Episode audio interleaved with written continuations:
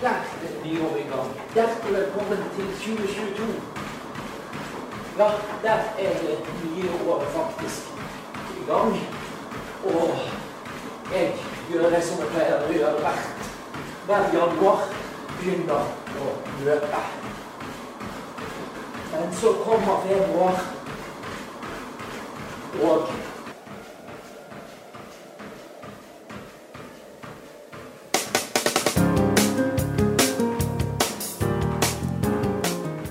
ikke lettere å fortsette utover i februar med de fantastiske nyttårsforsettene en har satt seg. Men vi lar tredemølle være tredemølle, for nå er det KAB-pod nummer én i 2022. Og ja, vi har mye å friste med. Du kan få høre om et rettighetsprosjekt som et samarbeidsprosjekt mellom Blindeforbundet og Hørselshemmedes Landsforbund. Vi skal høre om et nytt frivillighetskurs her i KAB, og en ny podkast.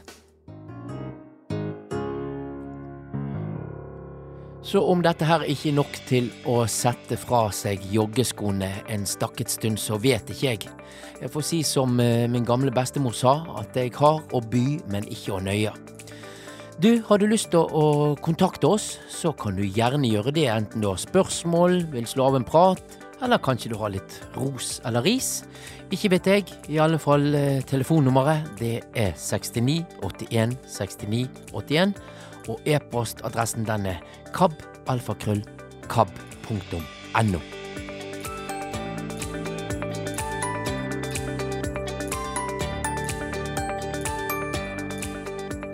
Da er det tid for litt tanker om tro, og denne gangen er det Øyvind Woie som har noen tanker å gi videre.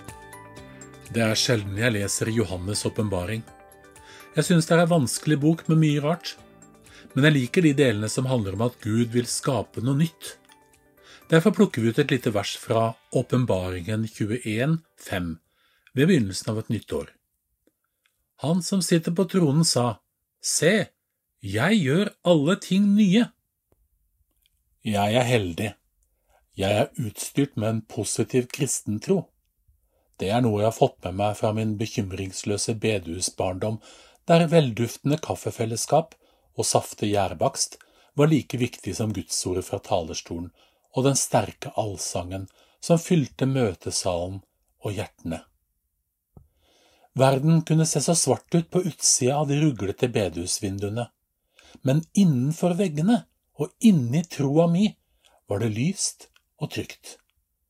Og da tenker jeg ikke på synden og alt som lokker der ute, men at min bekymringsløse barndom foregikk i skyggen av den kalde krigen, Vietnam, atomkapprusting, måneferder og presidentdrap. Verden er fremdeles et rimelig dystert sted. Krig, kriser, sult, fattigdom, pandemi og enorme klimautfordringer truer fra alle kanter. Som person er jeg både lys og mørk til sinns. Jeg er både introvert og ekstrovert, utadvendt og innadvendt. Jeg liker å snakke med alle, og kan samtidig være helt stille og trives med begge deler. I dette utgjør den trygge troa mi og erfaringene av at det stort sett går bra, et fint balansepunkt. Når jeg i tillegg har fått kreative og skapende talenter og trives med å være nysgjerrig, så klarer jeg å se mulighetene framfor hindringene. Derfor så liker jeg så godt å tenke på at vi kan tro på en Gud som er skapende, og som kan gjøre alle ting nye. Jeg heier på skaperlaget, og i mitt virke i KAB så vil det være preget av det. Januar betyr at vi snart skal inn i våren, og vi er så heldige vi som bor i Norge, som kan oppleve skapelsesunderet hvert eneste vår. Vi er forunt med fire årstider som skaper kontraster og variasjon i livene våre. Våren er min favoritt. Da får vi se hvordan nytt liv av daue gror, som det står i sangen No livnar det lundar. Plantene spirer, løvet spretter, fuglene kommer tilbake, uten at jeg trenger å løfte en eneste finger. Det skjer om jeg vil eller ikke. KAB er en kristen organisasjon, skapt av mennesker som hadde behov for noe som ikke fantes fra før av, skapt for å dekke behov for noe som ingen andre hadde syn for. Slik har det vært siden 1933. Vekst og nyskaping, utvikling. Blinde og svaksynte mobiliserte sine krefter og talenter og dyrket fram en unik og viktig interesseorganisasjon. Med Guds nåde og velsignelse har den overlevd fram til i dag. KAB har overlevd, endret fokus, utvidet målgruppa, funnet nye veier å gå og endret tjenestetilbudet sitt, lyttet på de som bruker KAB og de som er medlemmer, og endret kurs, utviklet seg og vokst, gått på en smell eller to og endra kurs igjen. Slik må KAB fortsette å bidra til fornyelse, vekst og velsignelse i menneskers liv. Da jeg jobbet i KAB sist, på slutten av 1990-tallet, var vi på kanten av lydkassettenes tidsalder. Lydbåndet var et tilbakelagt kapittel, CD-ene var på vei inn. Vi bygde et stort KAB-hus for å skaffe store produksjonslokaler, og vi drømte om et kurs og bosetter i Askim. I dag er alt digitalt og svever rundt i det som kalles skya, eller på internett. En ny verden er i ferd med å åpne seg. Snart leses kanskje lydbiblene seg selv uten menneskelige stemmer. Men ensomheten og behovet for noen å snakke med om sitt eget liv og om Gud, og å være sammen med noen der du bor, i nærheten av deg selv, er kanskje større enn tidligere. Vi er skapt til å skape, og til å bli skapt. Vi må lete etter de talentene Gud har gitt oss, og forsøke å bruke dem til det beste for dem som denne organisasjonen er til for. Vi må be om visdom, velsignelse og styrke til å våge å gjøre valg som svarer på det vi hører, når vi spør dem som trenger KAB. Se, jeg gjør alle ting nye. Vi tar med oss mulighetene og kraften som ligger i disse orda, inn i 2022. Kanskje vil det fortsette å vokse fram noe helt nytt i KAB nå også? Kanskje det kan spire noe i oss som mennesker, noe som Gud gir oss, noe som kan vokse fram. Og i møte med alt det andre, de dystre framtidsutsiktene som også finnes i dag, og som ligger foran oss, så holder jeg en knapp på muligheten av at Gud også vil være med å skape noe nytt, enten det skjer nå eller i framtida. Til slutt så tar vi med oss bønnen som Frans av Assisi lærte oss. Det er en fredsbønn jeg har den på et eh, litt sånn rart bilde som jeg har fått av svigermora mi, som gikk bort for noen år siden. Og der står det Herre, gjør meg til et redskap for din fred. La meg bringe kjærlighet der hatet råder. La meg bringe forlatelse der urett er begått. La meg skape enighet der uenighet råder. La meg bringe tro der tvilen råder. La meg bringe sannhet der villfarelse råder. La meg bringe lys der mørket ruger. La meg bringe glede der sorg og tyngsel råder. Å, Mester, la meg ikke søke så meget å bli trøstet som å trøste, ikke så meget å bli forstått som å forstå, ikke så meget å bli elsket som å elske. For det er gjennom at man gir, at man får. Det er ved å glemme seg selv at man finner seg selv. Det er ved å tilgi andre at man selv får tilgivelse. Det er ved å dø at man oppstår til det evige liv. Amen.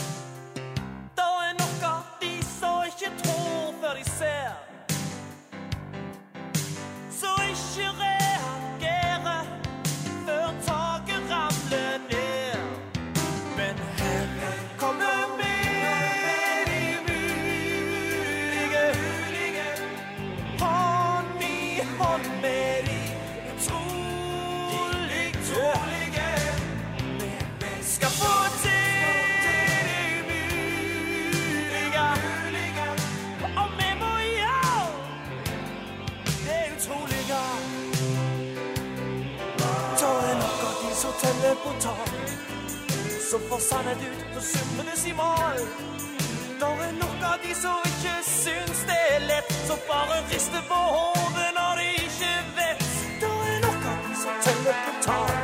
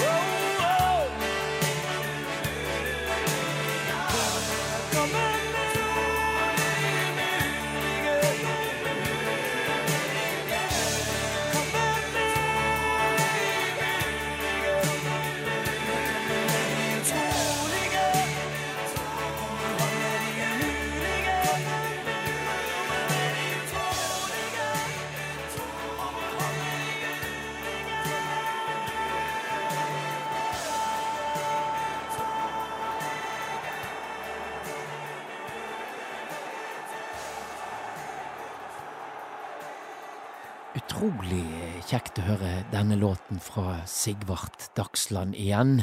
Det er jo den platen eh, De umulige, det, og sangen med samme tittel. Det er litt artig det der å høre gamle sanger som du syntes var så fryktelig bra når du var ung, og så hører du at ja, det er litt dårlig trommelyd, og det er litt eh, pistrete gitarer, men minnet fra å høre låten er der i all framtid. Eh, Sigvart han har jo eh, gitt ut mange plater etter denne, dette var den andre platen, og det har vært litt sånn så og så, men den siste platen den vil jeg anbefale, den heter Elefanten i rommet og er knallbra. Ehm, Det var om eh, Sigvart sin eh, sangstemme, det. Nå skal du få eh, stifte bekjentskap med en ny stemme for mange av dere. Hun har lagd en del podkaster allerede som ligger på KAB Verdi, men hun er ny her i KAB. Hun heter Anne Britt Sanne. Hun liker best at vi bare sier Anne. Men iallfall, hun må jo få lov å presentere seg sjøl. Ja, jeg eh, er både lærer og journalist, så jeg har egentlig jobba flest år som lærer, medielærer, på videregående skole. Men så har jeg òg en eh, journalistutdanning i bunn, da. Og eh, nå siste året så har jeg prøvd meg litt som frilansjournalist, og begynt å jobbe for KAB i fjor høst. Der jeg har laga noen intervju og innslag som er blitt publisert.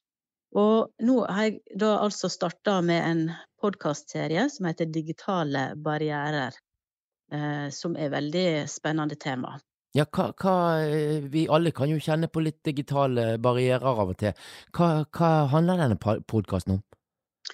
Ja, I korte stikkord så handler den om tilrettelegging av arbeidsplasser for personer med, med funksjonsnedsettelse. Så handler den om manglende lovverk om universell utforming av IKT og data i arbeidslivet. Eh, og så handler den jo på en måte også om dette som vi kaller et inkluderende arbeidsliv. Altså dette er en podkast om um, at på den ene sida så kan digital teknologi være veldig nyttig og til stor hjelp for uh, mennesker med nedsatt funksjonsevne til å leve enklere liv på både arbeid og i fritid. Men så viser det seg at på den andre sida så kan eh, digitale løsninger bli barrierer som skaper hindringer, f.eks. i jobb. da. Eh, Og i denne podkasten så møter du folk som har opplevd dette. Du har jo ikke eh, Du er ikke så vant til å forholde deg i forhold til eh, synshemmede og synshemmede arbeidstakere og databrukere osv. Hva er det viktigste du har lært der, da? Ja, altså jeg lærer egentlig noe hver dag, og etter hvert som jeg snakker med folk, så skjønner jeg mer hvordan ting som jeg tar for gitt, er utfordringer for andre. Eh, og dette med digitale barrierer, ikke sant? det er f.eks. det at en eh, hjelpemiddel som eh, synshemma har, ikke er synkronisert eller kommuniserer godt nok med data på en arbeidsplass. Eh, det er sånne ting som eh, blir aha-opplevelser når en hører om og forstår hvor eh, Altså, hvordan er det egentlig å få tilrettelagt en arbeidsplass? Du Anne-Britt, vi, vi, må ut med en liten sånn appell til, til folk som hører på denne podkasten, du. Mm, ja, og um, der ønsker vi å komme i kontakt med andre som har opplevd digitale barrierer, som har opplevd hindringer i arbeidslivet. Uh, dette skal jo Vi ønsker at det skal bli en serie, sånn at vi lager flere episoder. Nå kommer første episode, som vi kan høre. Og eh, hvis noen kjenner seg igjen i eller har eh, lignende eller relaterte problemstillinger som de har erfaring med, eller kanskje at de blir stående utenfor arbeidslivet nettopp av slike grunner, eh, så vil jeg gjerne høre ifra deg. Um, og da kan jeg sende e-post til min e-postadresse, som er anne.brit.sande krøllalfa kab.no. Du, eh, sånn som artister og sånt, vet du, når de har gitt ut ny plate og sånt, så får de jo ofte i oppgave å, å, å, innannonsere den nye låten. Og nå skal du få lov å innannonsere den her eh, nye podkasten din, Anne-Britt. Ja, jeg ønsker å finne ut mer om de utfordringene som blinde og svaksynte møter i arbeidslivet. Og jeg har møtt Kristin Berg, som er sosionom, familieterapeut og blind. Og hun opplever stadig at flere dataproblem skaper stress og frustrasjon i hverdagen. Hun mener at utviklinga kanskje går feil vei. Jeg, jeg har så utrolig lyst til å fortsette å jobbe i den jobben her. Og jeg skal klore meg fast jeg kan.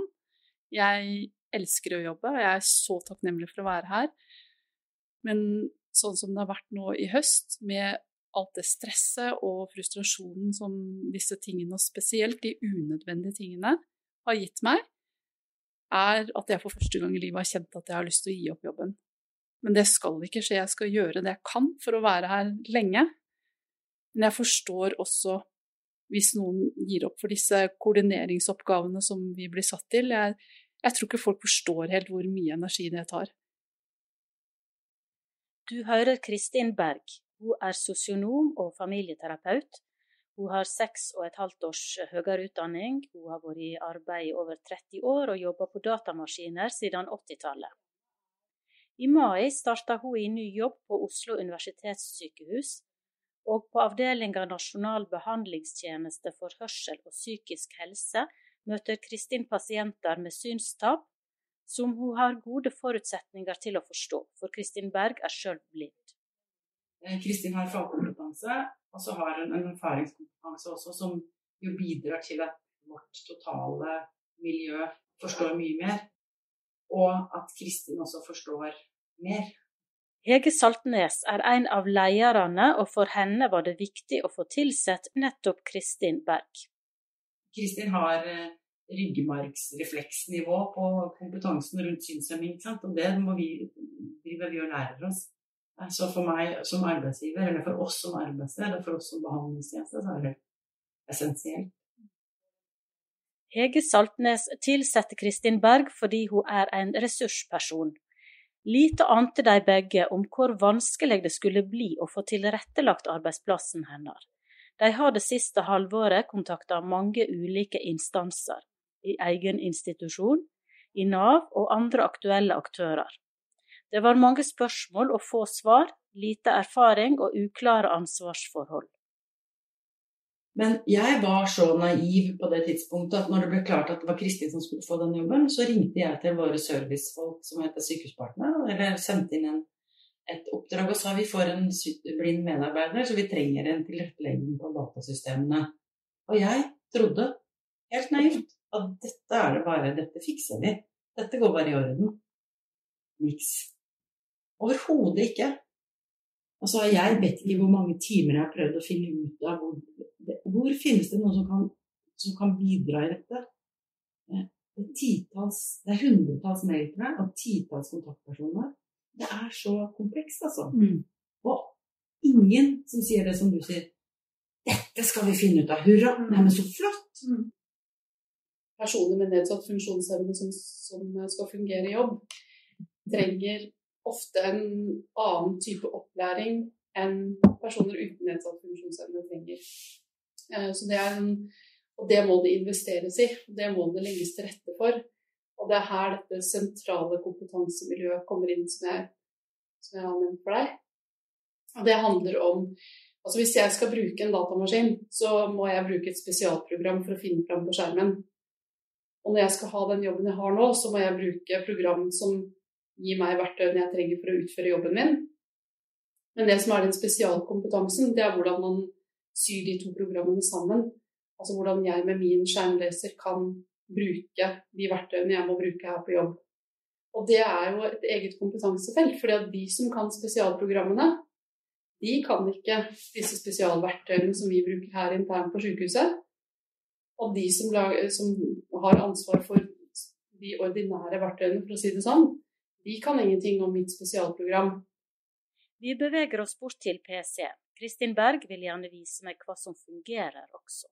Hun synes det er viktig å få fram at mye kan ordnes, slik at hun får gjort jobben sin lettere. Og så er det en boks under tastaturet som heter leselist. Det er som et lite display på skjermen. Og her kommer det opp det jeg skriver i punktskrift. Så når jeg f.eks. står i innboksen min nå, så kan jeg se SV, altså se navnet på en kollega, så kan jeg lese hva den saken handler om. Eller jeg kan be talene lese det opp. Oppstart med BUP. Og så ser, hører jeg hvem det er fra. Når jeg bruker Outlook og Word, PowerPoint, alle disse vanlige programmene, så bruker jeg hurtigtaster. Det burde jo alle gjøre. Så her trenger jeg ikke å bruke mus for å kunne navigere rundt i teksten. Så hvis jeg f.eks. Nå trykker jeg alt tab, det er skift vindu. Det, det er en tast alle kan bruke. Så sier jeg en Word. Så sier ikke talen noe mer enn Word. Da vet jeg at nå er det ikke noe åpent dokument. Så da kan jeg trykke kontroll N, som er nytt dokument. Så kan jeg begynne å skrive her. Lurte jeg på å skrive feil nå? Nei, det ble visst riktig. Her starter jeg på en ny tekst, skriver jeg nå. Så kan jeg trykke kontroll S eller F12 hvis jeg vil lagre det dokumentet, og ting kommer opp på leselista mi med en gang. Når jeg derimot er Altså, det, dette er jo veldig godt utforma universelt. Det gjør at jeg kan lese og skrive effektivt. Jeg kan lage en presentasjon. Jeg kan lese en tek tekst uh, veldig raskt med talen, så kan jeg sette opp hastigheten og skumlese igjennom. Jeg kan få lest en uh, tekst som jeg får på papir. Ved å skanne det, så kan jeg programmet mitt gjenkjenne teksten, så jeg kan lese det som står på dokumentet. Og hvis jeg går på internett, f.eks. hvis jeg går på Google, da, så har jeg mange hurtigtaster for å finne fram i skjermen. På, når jeg er på Google nå, så kan jeg f.eks. trykke en hurtigtast i det skjermprogrammet jeg bruker. H for heading. Det er ingen overskrifter på denne sida her. Men jeg kan f.eks. trykke F. Da sier den 'søk rediger'. Da er jeg på et søkefelt, så kan jeg f.eks. søke indisk kyllinggryte, da. Det fikk jeg lyst på til middag i dag, nemlig. Sier en indisk kyllinggryte Google-søk, så kan du trykke på heading, heading. Da går den til neste heading. Her er det mange kyllinggryter. Kylling tikka manasa, masala. og da kan jeg klikke 'åpne den', og så kan jeg finne lett fram i det som står i teksten her. For her er lenker og knapper og overskrifter har lesbare tekster. Mens når jeg f.eks. er inne i DIPS, nå kan ikke jeg åpne det, for da kommer jeg rett inn på en pasient. Da er noe av problemet at ikke en del av knappene mangler tekst, f.eks. Så det står bare KNP, knappen. Jeg vet ikke hva den knappen gjør. eller jeg er i en liste, så kan det kanskje plutselig komme fram et bitte lite grafisk symbol som ikke har noe navn, en kikkert f.eks., som gjør at jeg ikke kommer videre. Men det er også mange ting jeg får gjort i DIPS nå som vi har fått stilt inn skjermen riktig og sånn, så det er mye som fungerer der også. Men det er ikke et universelt utforma program. Der må jeg jobbe veldig mye mer knotete, trykke mange hurtigtaster for å få utført en oppgave. Hvis jeg skal skanne, altså lese en skanna tekst, vi får jo f.eks. inn epikriser som blir skanna inn i journal, da kan jeg skanne ett og ett skjermbilde, men det er da ca. tolv hurtigtaster som jeg må gjøre for å få det til. Men det, det går. Men det er tungvint, da. Men uh, tror du det ville være veldig vanskelig å få DIPS universelt utforma? Nå er jo ikke jeg noe datamenneske, sånn sett, så jeg vet jo ikke hva det innebærer. Men jeg ser jo at veldig mye i DIPS fungerer, f.eks. det som er lagt opp i menyer, og som har hurtigtaster det fungerer. Og ut fra min veldig sånn spartanske Jeg kan jo ikke noe teknisk, så syns jeg det er jeg, jeg, vil jo tro at det er fullt mulig å organisere de tingene som nå ikke er i menyer, på en annen måte.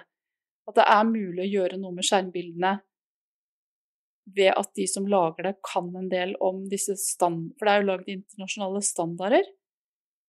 Eh, så vil jeg tro at mange ting kan gjøres mye bedre, i hvert fall. Men jeg er jo jeg er ingen ekspert på universell utforming, det er jo et eget fagfelt. Så jeg forstår at opplæring i å bruke utstyr og programvare er ei utfordring for Kristin Berg. En digital barriere. Men det er flere hinder, for programvarene kunne fungert bedre hvis det var et lovverk som krevde det. Det er slik at universell utforming er lovfesta når det gjelder publikumsløsninger og brukere, men er ikke lovfesta når det gjelder IKT på arbeidsplasser. Leverandører av ny programvare er dermed ikke pålagt å utforme universelt de programmer som Kristin Berg jobber med. Dette handler om det vi har snakka om med universell utforming. At disse programmene de er ikke utforma i tråd med internasjonale standarder for hvordan hvordan et program skal utformes. Og universell utforming av IKT og dataprogram i arbeidslivet var et av flere tema som var tatt opp i et nettmøte som KAB arrangerte tidligere i år, der deltakerne kunne stille spørsmål til daværende arbeids- og inkluderingsminister Torbjørn Røe Isaksen. Om universell utforming sa han blant annet det, det, mener jeg et helt, eh, er, et, er, et, er, et, helt annet uh, spørsmål. Eller et mye enklere spørsmål. For nye systemer bør man i så stor grad som mulig uh, forsøke å uh, lage universelt utformet for, for, flest mulig. Altså mest mulig tilgjengelig for flest mulig. Da. Og, og, det gjelder også interne systemer. det er publiseringsløsninger eller saksbehandlingssystemer eller reiseregninger etc. Men nå har ikke regjeringen fattet noe vedtak som pålegger heller eh, altså sånn konkret private bedrifter å, eh, å, å, å ha et eget sånn universelt utformingskrav. Men det er et arbeid nå knyttet til bl.a. dette om universell utforming av arbeidsplasser på gang i Kulturdepartementet. Vet Som bl.a. hva er handlingsrommet for å pålegge virksomheter en plikt til universell utforming. Kristin Berg derimot må finne løsninger, medan hun venter på ei eventuell lovendring. Det går an å tilpasse, det er mange ting som, som, det går an, men det krever at både de som kan mye om DIPS og de som kan mye om JAWS, egentlig setter seg sammen og, og finner ut gode løsninger. Da. Men da må, måte, da må de som kan både det ene og det andre, få muligheten til å jobbe sammen. Og det fins ikke noen ordninger, noen system for nå. Og da blir det sånn dragkamp. Hvem skal betale? Hvor, hvem skal gjøre hva? Hvor skal, vi, hvor skal vi starte? Og der egentlig står jo vi og stamper ennå nå. Mm. Etter såpass mange måneder. Og da tenker jeg at dette her burde, mener jeg, Nav betale for. Fordi det er så krevende å få det godt på plass. Det er helt urimelig at min arbeidsgiver skal betale det. Økonomi, ja det er selvsagt en del av problemet, sammen med manglende lovverk. Hvem skal betale for hva, og er universell utforming kostbart? Her er mange ubesvarte spørsmål. Senere møter jeg noen forskere som har synspunkt på det samfunnsøkonomiske aspektet, Men før jeg kommer dit, prøver jeg å forstå mer av utfordringene i hverdagen til Kristin Berg. Jeg kjenner faktisk på et ubehag over at min arbeidsgiver får ekstra kostnader ved å ansette meg. Det, det, tar jeg personlig. Jeg gjør det. Jeg syns det er eh, helt urimelig. Og da føler man på at nå er jeg en byrde, nå er jeg en belastning. Um, og jeg føler også på det at jeg ikke egentlig får, får brukt mitt fulle potensial, fordi jeg tror ikke alt er gjort som kan gjøres med det datautstyret. Kristin forteller at tidligere fantes et nasjonalt senter der mennesker med synstap kunne få hjelp til tilrettelegging i arbeidslivet. Nå er den kompetansen som før var samla, spredd på mange, og kanskje kan vi kalle det et pulverisert ansvar. De forteller også at det før ble gitt et tilretteleggingstilskudd til arbeidsgivere som tilsetter personer med funksjonstap. Denne ordninga er blitt erstatta med et inkluderingstilskudd som bare blir gitt første året, og hvis du har fått jobb via Nav. Kristin Berg gikk ikke via Nav da hun fikk jobben på Oslo universitetssykehus. Derfor har det vært en kamp for at hennes arbeidsgiver likevel skal få dette tilskuddet. Nå er det på plass, men det er en engangsstøtte, og kostnadene blir langt høyere i åra som kommer. Så jeg tror det handler mye om økonomi. Eh, og så tror jeg det handler om litt sånn mange fortsatt tenker at funksjonshemmede gjør ikke en fullgod jobb. Det er litt sånn det er godt for deg å komme ut blant folk, det er godt for deg å gjøre noe som er meningsfylt for deg. Arbeidstrening. Arbeidstrening, At du liksom kommer deg ut blant folk, at det har en sosial funksjon. Og... Men det å se på funksjonshemmede som, som en ressurs og som Altså, jeg tenker jo at et mangfoldig arbeidsliv, det lønner seg. Mm. Å ha mennesker i ulike situasjoner. Hvis man visste at man fikk den hjelpa man skulle ha, og at arbeidsgivere ble fritatt for at det skal koste noe ekstra. Det må vi i hvert fall rydde av veien først, da, hvis man skal få flere funksjoner som er ute i jobb. Så må ikke en arbeidsgiver få For det handler ikke om å få en pult som er Altså det handler ikke om eh, småbeløp, det kan handle om ganske store beløp. Møtet med Kristin Berg og Hege Saltnes har gitt meg litt mer innsikt i hva digitale barrierer er. Men jeg skjønner ikke hvorfor virkeligheten er slik, med tanke på idealet om et inkluderende arbeidsliv og lover om universell utforming. Hvorfor gjelder ikke lova i arbeidslivet også? Jeg trenger informasjon fra flere. I april kom rapporten 'Teknologi og inkludering av personer med nedsatt syn i arbeidslivet kunnskapsoppsummering'. Jeg kontakter forskerne av rapporten og får en avtale med Kristin Skeide Fuglerud og Til Hallbach, jeg lurer på hva de har funnet ut i løpet av forskninga, og hva rapporten viser. Den viser at eh, blinde og svaksynte fortsatt eh, blir eh, ekskludert i arbeidslivet. Det er mange IKT-barrierer som har eksistert over mange år, og som man ikke har klart å løse. Hva konkrete utfordringer Du nevner digitale eller IKT-barrierer. Kan du konkretisere litt mer disse utfordringene? Det går på at uh, man rett og slett uh, ikke kan bruke løsningene som alle andre arbeidstakere kan bruke, fordi de ikke er universelt utformet, og fordi de ikke er testet med de IKT-hjelpemidlene som synshemmede er avhengig av. De begrenser på den måten at uh, man ikke får gjennomført alle oppgaver. Uh, man, kan, uh, man får ikke like raskt hjelp som andre arbeidstakere, fordi det er ikke IT-support som kan hjelpe deg.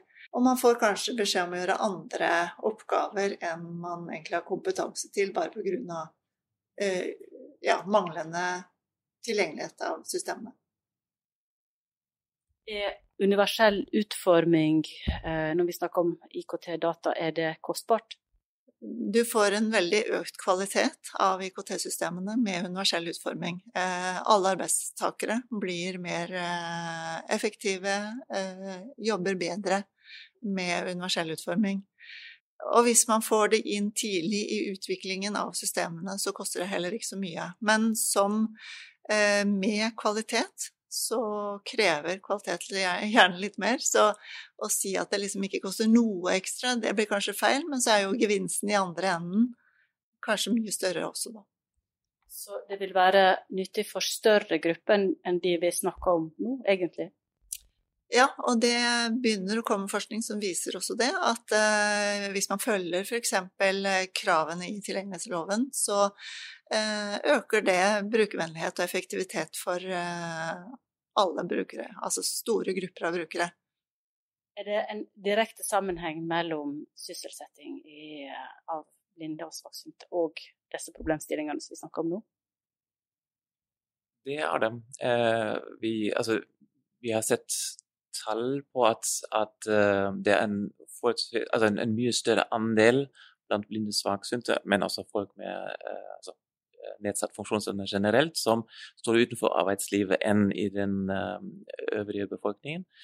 Og de, disse tallene har holdt seg konstant i, i mange år, faktisk over 20 år. Så, så, det vil si at da er det en, en, en sammenheng. Kunne flere vært i arbeid med et annet lovverk for universell utforming?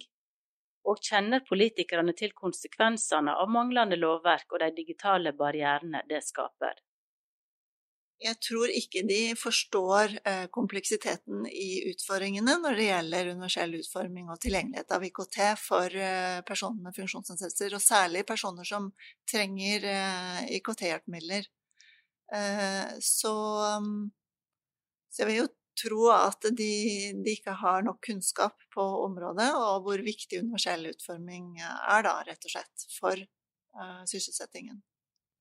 Kan jeg kanskje også legge til at altså det er i hvert fall mitt personlige inntrykk, og det er at, uh, at ansvaret også på uh, departementsnivå er fordelt over flere instanser. Altså det er, vi har Arbeidsdepartementet, vi har barnefamilie og ungdom. Vi har um, altså mange Jeg tror vi var oppe i fire-fem ulike uh, departementer uh, som har vært borti universell utforming, altså er borti det, det temaet, og uh, diskriminering og likestilling, blant annet. og det gjør det litt vanskelig å angripe egentlig hvor hvem er egentlig ansvarlig for det, hvem kunne gjort noe med det. Er ikke dette et paradoks en stor kontrast i forhold til uh, prinsippene om uh, inkluderende arbeidsliv? Jo, det er jo, det er jo, nettopp det det er, da. fordi at skal du få til et uh, mer inkluderende arbeidsliv, så er jo det med universell utforming et veldig godt sted å starte. Er det slik at en del blinde og svaksynte rett og slett får råd om at det er bedre at du blir uføretrygda?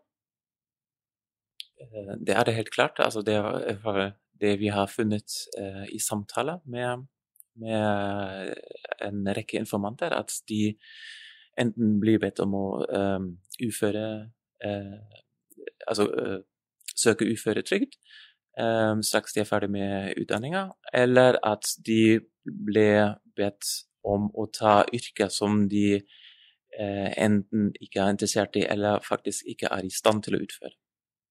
Og det, det gjelder for så vidt også um, uh, altså offentlige, um, i offentlige støtteinstanser som Nav, f.eks. Hva tenker dere om det? Nei, det er, det er jo veldig trist uh, at ikke det er bedre kompetanse om det også blant de som skal hjelpe personen ut i arbeid. Da. Så, ehm, og, og, det som ung da, kanskje 18 år, å bli eh, oppfordra til å søke en uføretrygd, er jo forferdelig. Det begynner å bli tydeligere for meg hva digitale barrierer er, og hva konsekvenser slike hindringer har, for samfunnet vårt, og ikke minst for blinde og svaksynte som er i arbeid, og for de som gjerne vil jobbe. Ja, det er jo store utfordringer for den enkelte, selvfølgelig. Stor, øh, som får ringvirkninger, tenker jeg, for de som er rundt den enkelte. Men øh, samfunnet har vi, vi, ser jo en bølge nå, eldrebølgen, hvor vi trenger all den arbeidskraften øh, vi har. Så da å ikke legge til rette for at de som vil og kan jobbe, faktisk gjør det, er jo veldig inkonsekvent og ineffektivt, da. Når man ser det, at, at det fortsatt er en veldig stor andel av de som står utenfor arbeidslivet, men har lyst til å utføre en, en jobb, eh, så må man jo se at ja, her er det vinn-vinn. Hvem har ansvaret for å endre på situasjonen? Jeg tenker at myndighetene har et veldig stort ansvar i å kreve universell utforming av IKT i arbeidslivet. Det er det største og viktigste, viktigste tiltaket eh, i forhold til eh, å få, eh, få, ned barrierene eh, av IKT i arbeidslivet. Og det vil ha god effekt, tror vi. Men eh, det er klart at eh, det er ikke bare det. Det handler også om, som vi har vært inne på, da, samarbeidet mellom de ulike instansene og eh, kunnskap og holdninger i arbeidslivet. Jeg er tilbake på Kristin Berg sin arbeidsplass noen uker seinere. Førerhunden Bilbo finner rolig sin plass. Hva har skjedd siden sist? Ja, nå har jeg jobba her i åtte måneder. Eh, og de gangene jeg trenger hjelp med datasystemet mitt fordi noe låser seg eller ikke fungerer som det skal, som skjer for alle innimellom, så har vi ett sted vi skal ringe. Det er ett telefonnummer. Jeg har ingen kontaktperson, jeg må ringe det faste nummeret. Og da kommer jeg i kontakt med Kan du bare ta som eksempel det som skjedde nå for, for to-tre uker siden, da. Da sitter jeg og skal ha en konsultasjon, skal inn i pasientsystemet vårt, kommer ikke inn. Det låser seg, jeg kommer ikke inn i, i det der vi registrerer. Så ringer jeg Sykehuspartner. De prøver da å fjernstyre maskinen min. Det fungerer ikke. Og da sitter jeg og ikke får, får, gjort noe. Jeg kan ikke da sette meg og jobbe med en annen maskin, som mine kollegaer kan. Um, og da oppretter de en såkalt sak. Du får ikke noe kontaktinformasjon eller får vite hvor saken er. De kunne ikke svare meg på når de kunne komme og se på maskinen min, for liv og helse er viktigere. De har en kontrakt som sier at de skal hjelpe meg innen fire eller fem dager. Det er jeg usikker på. Ehm, jeg vet at de ikke kan om JAWS, mitt spesialprogram. Det firmaet som kan om det, har ikke lov til å gjøre noe på min PC. Det må gjøres sammen med Sykehuspartner. Jeg må bestille service fra hjelpemiddelsentralen på det som har med JAWS å gjøre, men kan da ikke si når jeg får service. Og midt i det her sitter jeg og kjenner på stress. Heldigvis så har jeg lesehjelp, som vil si en person her som er ansatt som kan hjelpe meg i sånne type krisesituasjoner. Men jeg blir sittende med masse koordinering, e-poster og telefoner og kjenne på frustrasjon og stress over at jeg ikke får gjort ting så fort jeg vet jeg kan når ting funker. De kommer da etter noen dager og ser på maskinen og da har både ledelsen her og jeg purra opp mange ganger. Det de finner ut, er at de ikke klarer å løse saken, så alt må installeres på nytt. Og da sier jeg nå må dere være veldig nøye med at alt blir installert riktig. Snakk med de som kan JAWS, sånn at alt blir riktig. Det ble ikke riktig når det var reinstallert. De fikk ikke leselista mi til å virke, som er den boksen jeg leser punktskrift på. Det gjorde at jeg var uten leseliste i mange dager. Og så videre og så videre. Det løste seg til slutt etter at elleve personer fra Sykehuspartner var inne i saken min nå sist. Og det som jeg blir for helt sånn fnatt av og blir kjempefrustrert av, det er når jeg vet jo at det kommer trøbbel en annen gang, så må jeg gjennom samme mølja igjen. Vi har foreslått nå i åtte måneder å opprette et team som er av noen få kontaktpersoner som kan litt om hvordan JAWS skal installeres, og som vet hva vi skal sjekke for å få det riktig til neste gang det skjer noe teknisk. Men det har vi ennå ikke klart å få på plass, og det syns jeg er veldig dårlig, rett og slett. Og det er en barriere som gjør at jeg får jobba mye saktere enn det jeg vet jeg egentlig kan, som frustrerer meg veldig, som stresser meg veldig. Og som gjør at jeg blir lei meg, for jeg føler at jeg ikke henger godt nok med. Og, det, og, så må jeg sortere og sortere og tenke at nei, det er ikke din skyld, det er ikke din feil, det er systemet. Men dette er barrierer som man kunne fjerna på én dag, hvis man bare gadd å snakke litt sammen og finne en løsning. For dette kan løses. Og så får vi stå på det vi kan for å løse de tingene som handler om lovverk og universell utforming. Det vil ta lengre tid. Vi skal ikke gi, deg, gi opp den kampen, men det som kan løses her og nå, det burde ikke ta mangefoldige måneder å få på plass. Kjenner du til om det fungerer annerledes andre steder enn her eh, på US? Ja, jeg kjenner til en annen eh, som bruker det samme systemet som jeg bruker, som jobber et annet sted, hvor ikke IKT er outsourca til et eget foretak. Der fungerer service og oppfølging helt knirkefritt, ifølge den personen. Du har på en måte, hvis vi skal sammenfatte, tre ønsker. Da har jeg et her og nå-ønske, og det er at arbeidsgiveren min sørger for en enklere måte å få service på når det skjer noe med dataen min. Det andre er at Nav må gjenåpne Senter for yrkesretta attføring som en sentral kompetanseenhet. Og det tredje er at vi må få et lovverk som sikrer universell utforming av IKT-løsninger på arbeid, som vi har fått for publikumsløsninger. Hvis man virkelig ser på oss som en arbeidsressurs, da må dette på plass. Der er jeg helt enig med Kristin Berg. Ehm, dette var da første del av eh, podkasten som eh, handler om dette med digitale barrierer i arbeidslivet. Og har du lyst til å høre flere podkaster, så går du inn på kab.no, og der er det en lenke som fører til de ulike rekkene av podkaster vi har. Nå gleder jeg meg virkelig. Vi står med startstreken på et nytt år, og der står jeg med generalsekretær Øyvind Woie, og han gleder seg òg til dette året. 2022 er jo et kjempespennende år, fordi at da er det generalforsamling i KAB. Og da legges jo planene for åra som går framover. Og hva blir viktig eh, å, å, tenke på i forhold til den nye planen, da, Øyvind? Det er jo viktig å fortsette å tenke på at eh, KAB må jobbe mye tettere med de som er medlemmer i organisasjonen. Altså både forstå og engasjere folk mye mer, som er eh, brukere og medlemmer, som vi kaller folk som bruker de tjenestene KAB har. Altså Vi kan ikke drive og lage en organisasjon for eh, oss som jobber der, eller for noe annet. Altså Vi må bruke krefter på å finne ut hva er det folk trenger for noe? Hva er det folk har behov for at KAB skal holde på med? Og da har vi jo noen spor som vi skal følge der, som handler om eh, dette her med tilgjengelighet til informasjon og til deltakelse i kjerka di, frikirkemenigheten din, organisasjonsfellesskapet du er med i, altså de tinga der. Det handler jo mye om det, ikke sant? Og eh, vi har jo òg hatt eh, KAB har jo virkelig stått på under eh, koronapandemien. Og med nettmøter og podkaster og mye forskjellig. Hva har vi lært at er viktig for folk i forhold til KAB sin eksistens? Lært at det er viktig at vi at KAB er en litt sånn vaktbikkje som står litt foran. Fordi folk har ikke lyst til å gjøre det alltid. Sånn som nå har vi en sånn helbredelsesdebatt og forbønnsting som vi snakker om. Da mange syns, som syns at det er vanskelig, og har kanskje hatt dårlig opplevelse på det.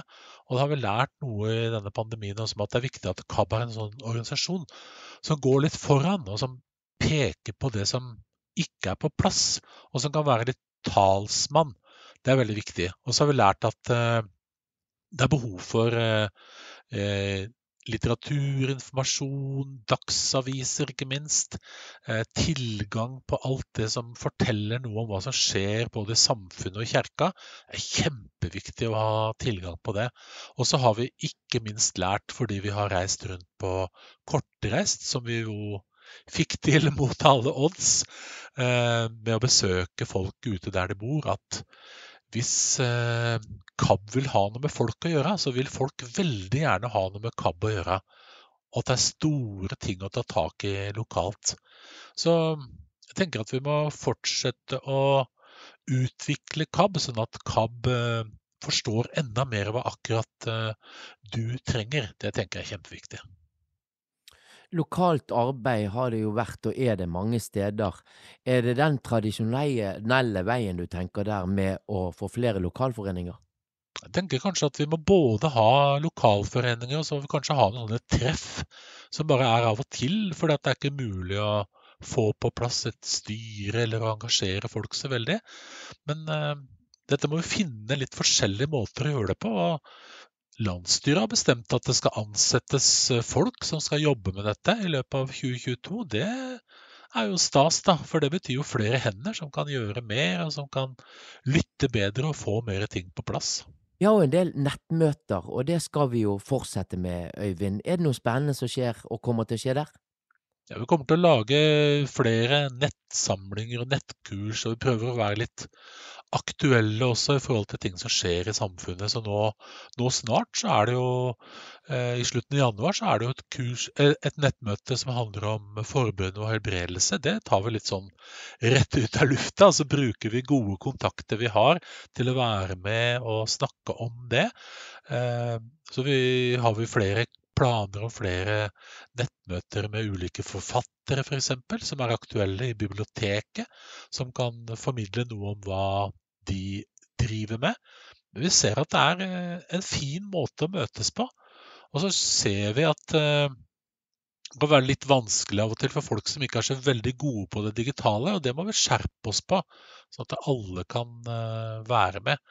For dette er ikke noen erstatning for det å møtes, dette er et supplement og en annen måte å være sammen på enn det å sitte i samme rom. Så vi må hjelpe folk litt inn, det tenker jeg er viktig. Og det er viktig at folk sier fra om det, eh, hvis ikke de får det til. Mange som ikke fikser det digitale. Det er ikke noe for å være flau over det. Så ta kontakt. Nei, hva skal de gjøre da, da? Hva skal de kan, gjøre hvis de ikke fikser det? De kan eh, ringe til KAB og spørre til meg eller noen og si at jeg har lyst til å øve litt på sånn Zoom. Kan jeg øve litt sammen med noen? Og da gjør vi det. Eller kan jeg få hjelp til å ringe opp og prøve det en gang på forhånd? Så, så så det er rett og slett helt konkret hjelp å få. Og vi har også vurdert å gi kurs innen dette, i hvert fall når vi kan begynne å møtes litt eh, ansikt til ansikt, sånn at folk får prøvd. Vi har jo sett det på kortreist når vi har hatt kursing på det ulike digitale ting, at det er veldig fint å sitte sammen og finne løsninger. Du nevnte litteratur, at det var av stor interesse og viktighet. Eh, det har vært en del eh, problemer i forhold til å låne KAB-bøker i biblioteksammenheng. Eh, der det har vært litt tekniske problemer. Hva skjer i den saken? Det skjer vel noe hele tida, og det som er dilemmaet til KAB, er at vi beveger oss på systemene til NLB i prinsippet i dag så er liksom KAB-biblioteket det er noen hyller i NLB sitt bibliotek. Og det er vi som bestemmer alt om hva som skal være de hyllene. Men når utlånet skal være, så skjer det på de utlånsmåtene og plattformene som NLB har. Og det skal KAB være veldig glad for, for det er en kjempefordel for oss å slippe å utvikle disse tingene. Nå jobbes det med nye måter å låne ut bøker på, en ny utlånsplattform. Og da er denne problematikken noe som en ser på, hvordan en kan gjøre bøkene mer tilgjengelige. Så per i dag så kan jeg ikke love at det umiddelbart skjer en endring, eh, men det vil nok ta litt tid. Så det blir sånn, et slags dilemma, da. Hvis vi skulle utvikla dette sjøl, ja, det hadde vi ikke klart. Eh, men nå er vi sammen med NLB og har stor glede av det, og så må vi påpeke de problemene som er. Vi gleder oss vel til å ta fatt på dette året, Øyvind? Ja, jeg gleder meg f.eks. veldig til å invitere til Pilegrimsviken for synshemma ungdom, eh, som vi skal legge til Palmehelga i år. Så vi skal ha ut invitasjon om det nå, og det er veldig spennende. Så gleder jeg meg til den generalforsamlinga og den sommersamlinga vi skal ha i begynnelsen av juni. Så det er gode ting som er i vente. Generalsekretær Øyvind Woie der, og eh, det er flere som står i kulissene og tripper etter å komme med info. Frank Tangen han vil ikke være dårligere enn eh, generalsekretæren, så her har du han som skal fortelle deg litt om et frivillighetskurs. Ja, det stemmer. Eh, tirsdag 1. februar så starter vi et kurs for folk som er frivillige, eller kunne tenke seg å gjøre en frivillig innsats i samarbeid med oss i KAB. Og det er et kurs med tre samlinger. Ehm, annenhver eh, tirsdag. Jeg kan jo si litt mer da, om hvem dette kurset er beregnet på. Noen gjør jo en frivillig innsats allerede, f.eks. i lokalforeningene våre, i ulike styrer, med å skrive artikler til synlige stemmer osv. Men det er jo en rekke oppgaver som kan være aktuelle at eh, andre enn de fast ansatte i staben utfører. Eh, det kan være sånne ting som å ha telefonkontakt med nye brukere i KAB. Kanskje være telefonvenn med noen som trenger en å prate med. Eh, bidra i den nærmeste lokalforeningen. Eller for de som kan det, drive, hjelpe til som ledsager og med assistanse på arrangementer. Eller eh, kanskje til og med representere KAB i menigheter og foreninger når det er mulig, med informasjon om hva KAB driver med. Eh, så dette er noen av de oppgavene som vi tenker oss at de som har gått dette kurset, kan gå inn i etterpå. Hva er det vi skal lære på kurset for å bli en, bli en god frivillig? Ja, vi har lagt opp tre samlinger. Nå skal jeg ikke gå helt i detaljer her. Et mer detaljert program ligger på kab.no under arrangementskalenderen der. Men vi starter med å gi en liten sånn innføring i hva KAB egentlig er. Altså bakgrunnen og historien for organisasjonen. Eh, hvordan vi jobber i dag og vi, hva vi diskuterer når det gjelder framtida. Og så i den andre samlinga så handler det om eh, kirken og menighetene. Eh, universell utforming i kirkesamfunnene. Hvilke lover gjelder for menigheter i Norge. Og hvilke planer og strategier er det kirkesamfunnet har for å utvikle et mer tilgjengelig menighetsliv. For her ønsker vi jo at flest mulig skal være med og påvirke. Og så er den siste samlinga i sin helhet via til det å være likeperson og ambassadør for eh, KAB. Og da har vi med Eva Høili, som jobber med sånne ting i MS-forbundet. Og så prater vi litt om å representere KAB. Så det er sånn i korte trekk innhold i samlingene som varer sånn halvannen time hver. Det er allerede kommet en god del deltakere. Men eh, det er slett ikke for seint. Vi har ikke noen sånn begrensning i deltakertallet her. Vi starter tirsdag 1.2 klokka 19. Og så går det videre 15.2 og 1.3. Og om det er noen som har lyst til å være med, men kanskje ikke kan være til stede på alle tre samlingene, så tar vi det opp og gjør det tilgjengelig seinere også. Ja, men dette ser jo ut som at, at uh, går man på dette kurset, så skal man jammen sant bli en habil frivillig før uh, våren setter i gang, uh, Frank Tangen? ja, det er jo noe av det vi håper på. Men jeg må også understreke det, Kurt, at, eh, at det er fullt mulig å delta på dette kurset uh, uten at du liksom har bestemt deg for at du ønsker å være frivillig i KAB. Altså, det er sånt man kan ta stilling til litt underveis, men uh, for alle som er nysgjerrige på hva dette kan innebære, så mener vi at dette er et uh, bra tilbud. Dette er et bra tilbud, sier Frank Tangen her, ja, og da anbefaler jeg deg bare til å løpe til telefonen, eller nå har du vel den antageligvis i hånden, og ringe til KAB og melde det på. Det klages for lite blant uh, synshemmede og hørselshemmede når en opplever det som kan uh, være en uh, diskriminering. Dette ønsker Blindeforbundet og Hørselshemmedes Landsforbund å gjøre noe med. Reporter eh, May-Britt Haug fra Radio Z, hun har mer om denne saken. Vi skal eh, snakke om rettigheter og et helt eget prosjekt som er via til eh, tema. Miranda Moen, du er prosjektleder for det vi da kaller Rettighetsprosjektet, og jeg vil jo da tro at det handler om rettigheter for funksjonshemmede? Det um, handler om eh, rettigheter for uh, funksjonshemmede, ja, men uh, i dette prosjektet så fokuserer vi først og fremst på syns- og hørselshemmede. Dette er et prosjekt som skal vare i halvannet år, og det er flere aktører som står bak. Kan ikke du fortelle oss litt om bakgrunnen for ja, hvem som står bak, og hvordan det hele ble til? Det er Blindeforbundet, Hørselshemmedes Landsforbund, HLF, og eh, Stopp diskrimineringen, som eh, er initiativtakere til prosjektet. Eh, jeg er ansatt i Blindforbundet, men det er de tre organisasjonene som styrer prosjektet, og som jeg rapporterer til, kan du si. Bakgrunnen for å opprette prosjektet er at vi vet at det er store barrierer for syns- og hørselshemmede i samfunnet.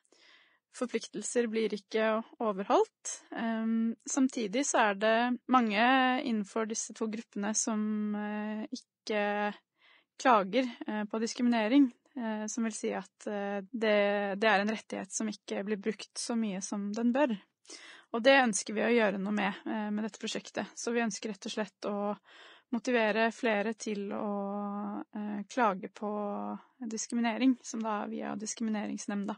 Altså rett og slett motivere flere til å klage på da diskriminering. hvordan tenker man at man skal få til det? Ja, vi har ulike aktiviteter i prosjektet som folk kan være med på. Jeg vil bare understreke at uh, det er ikke sånn at dette bare er for medlemmer av Blindeforbundet eller HLF. Alle som har en synshemming eller hørselshemming kan delta, så vi begrenser oss ikke sånn sett til medlemmer. Vi tenker å starte med å Eh, tilby webinarer, eh, som er digitale eh, kurs, en slags, hvor vi skal formidle hva diskriminering er for noe, hvordan lovverket fungerer, og også dette med CRPD. Så der tenker vi å, å, ha det litt åpent, egentlig.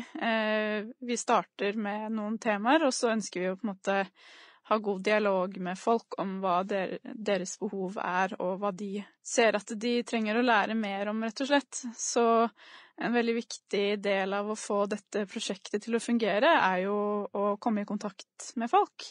Så etter det så eh, er planen å ha mm, studiegrupper eller workshops for eh, da særlig for folk som ønsker å gå i dybden på sine erfaringer med diskriminering, eller om de lurer på om det de har opplevd er diskriminering.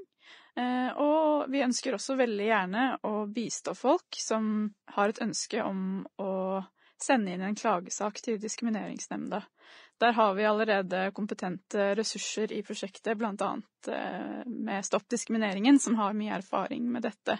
Og vi skal også, jeg som prosjektleder skal også kurses og Eh, sette meg inn i hvordan dette fungerer for å være rustet til å bistå de som ønsker veiledningen vår. Eh, så det, det, er jo et viktig mål i prosjektet at folk på en måte får den kompetansen og har bedre innsikt i sine rettigheter, men at man faktisk også benytter de rettighetene man har, og klager.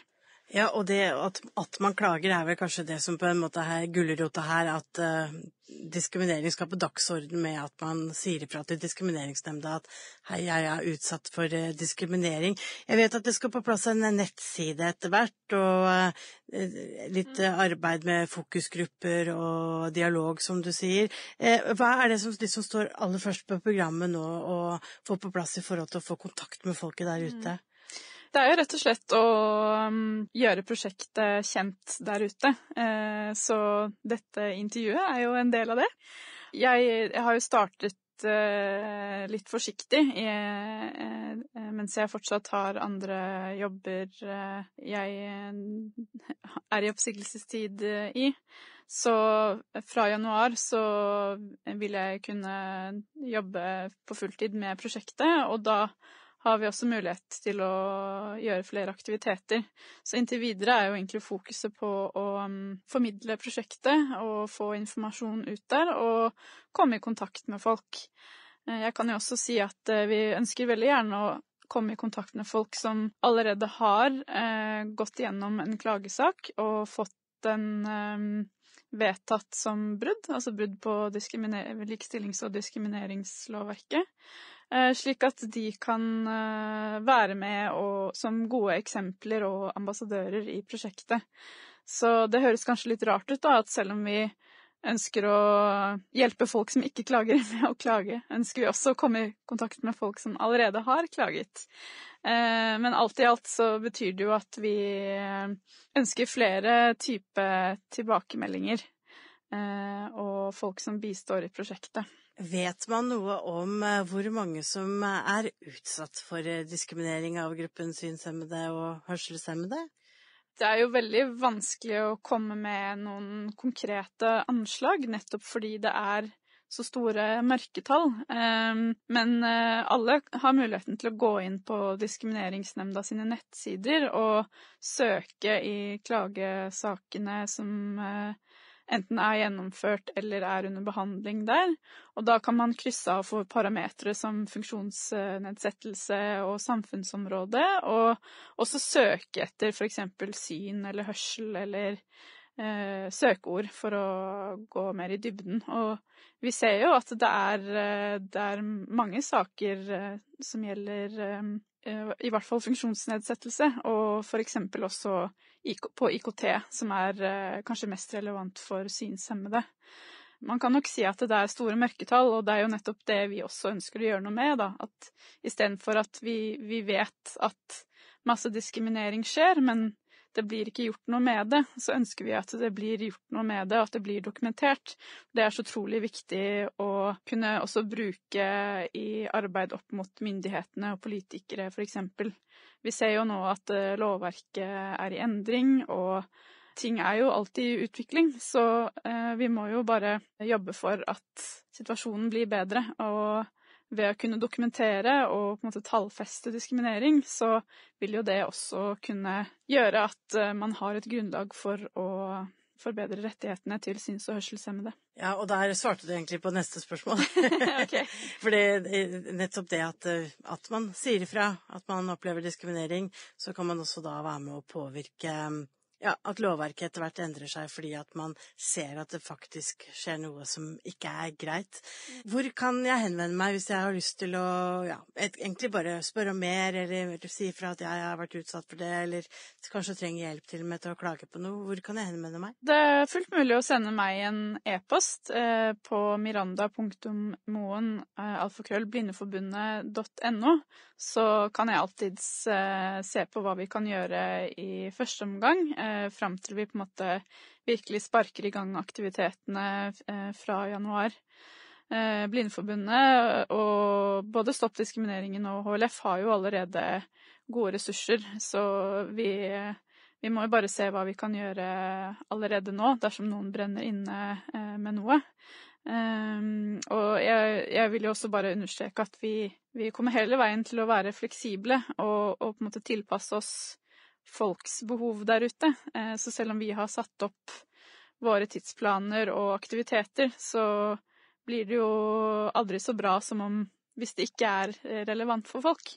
Og så er jo det et prosjekt, og det har jo gjerne en avgrensning fra en dato til en annen. Men eh, her er tanken at kompetansen skal videre ut i organisasjonene. Det er riktig. Eh, det blir jo ikke sånn at eh, man bare kan eh, få veiledning med klagesaker og økt sin kompetanse på diskriminering og diskrimineringsvern innenfor prosjektperioden, som er på en måte fra nå til mai 2023.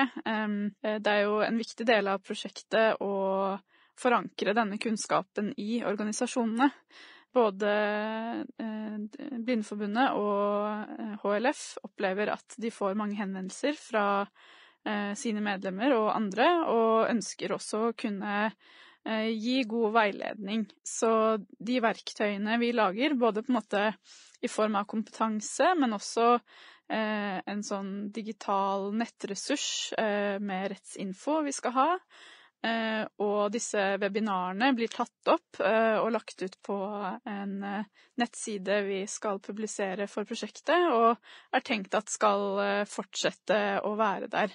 Deltakerne i prosjektgruppa fra Eller ikke deltakerne, men styringsgruppa fra Blindeforbundet og HLF får jo også økt kunnskap og innsikt gjennom å Eh, være med i ledelsen av dette prosjektet. Så det er absolutt ikke sånn at eh, dette skal bare være en start og en slutt, men målet er jo at dette skal være eh, en styrket kompetanse i, forankret i organisasjonene. Takk til May-Britt Haug der, som var ansvarlig for dette innslaget. Og nå, nå er KABpod i ferd med å, å si, bli historie. I hvert fall den biten som jeg er ansvarlig for. Nå skal jeg sette meg ned og mikse ned alle sporene som en sånn KAB-pod består av, og så skal jeg sende de videre. Og så er det andre som bestemmer hva som blir sånn klippstoff, da. Det stoffet som kommer etter av opplesning av ulike blader og aviser. Så eh, jeg er like spent som deg, jeg. Men Ha en riktig god januar videre, så høres vi snart.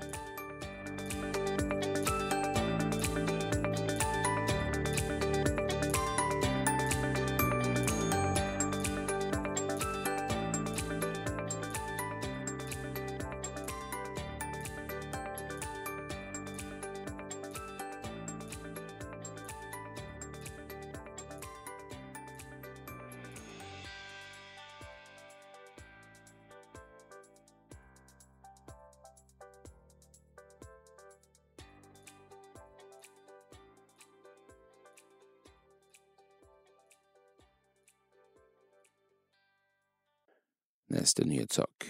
Ubibelsk å skulle funksjonsnedsettinger på svak tru. Forbønn. Professor Anna Rebekka Solvåg går hardt ut mot kristne som sier folk ikke blir lækt av Gud fordi de ikke tror nok. Kristent arbeid blant blinde merker stor interesse rundt temaet. Det er heilt forkastelig å skulle noen for ikke å ha tru nok dersom de ikke blir lekt, sier Anna Rebekka Solvåg. Hun er professor i Det nye testamentet ved Vid vitenskapelig høgskole og har jobba mye med synet på funksjonsnedsettinger i Bibelen. Tidligere denne veka delte Jens Arne Dolmen og Magne Hultgren vonde opplevelser knytt til synet på funksjonsnedsettinger i kristenkarismatisk miljø med Vårt Land sine lesere. Hultgren sier han fikk høre at barna hans hadde funksjonsnedsettinger fordi han og kona ikke ba rett, eller trodde nok. Denne holdninga kaller Solvåg ubibelsk. Gjeld mange. Det er også Øyvind Woie, generalsekretær i kristent arbeid blant blinde og svaksynte KAB, enig. Han sier de ofte hører om denne typen tenkning. Det kan jeg virkelig ikke forstå at har noe bibelsk grunnlag. Det er mer som vranglære å rekne, sier Woie. KAB jobber for at personer med funksjonsnedsettinger får utøve si kristne tru på lik linje med andre, og det gjelder kanskje flere enn du tror. I 2020 oppgav 17 prosent av respondentene på Statistisk sentralbyrå si levekårsundersøking å ha nedsatt funksjonsevne.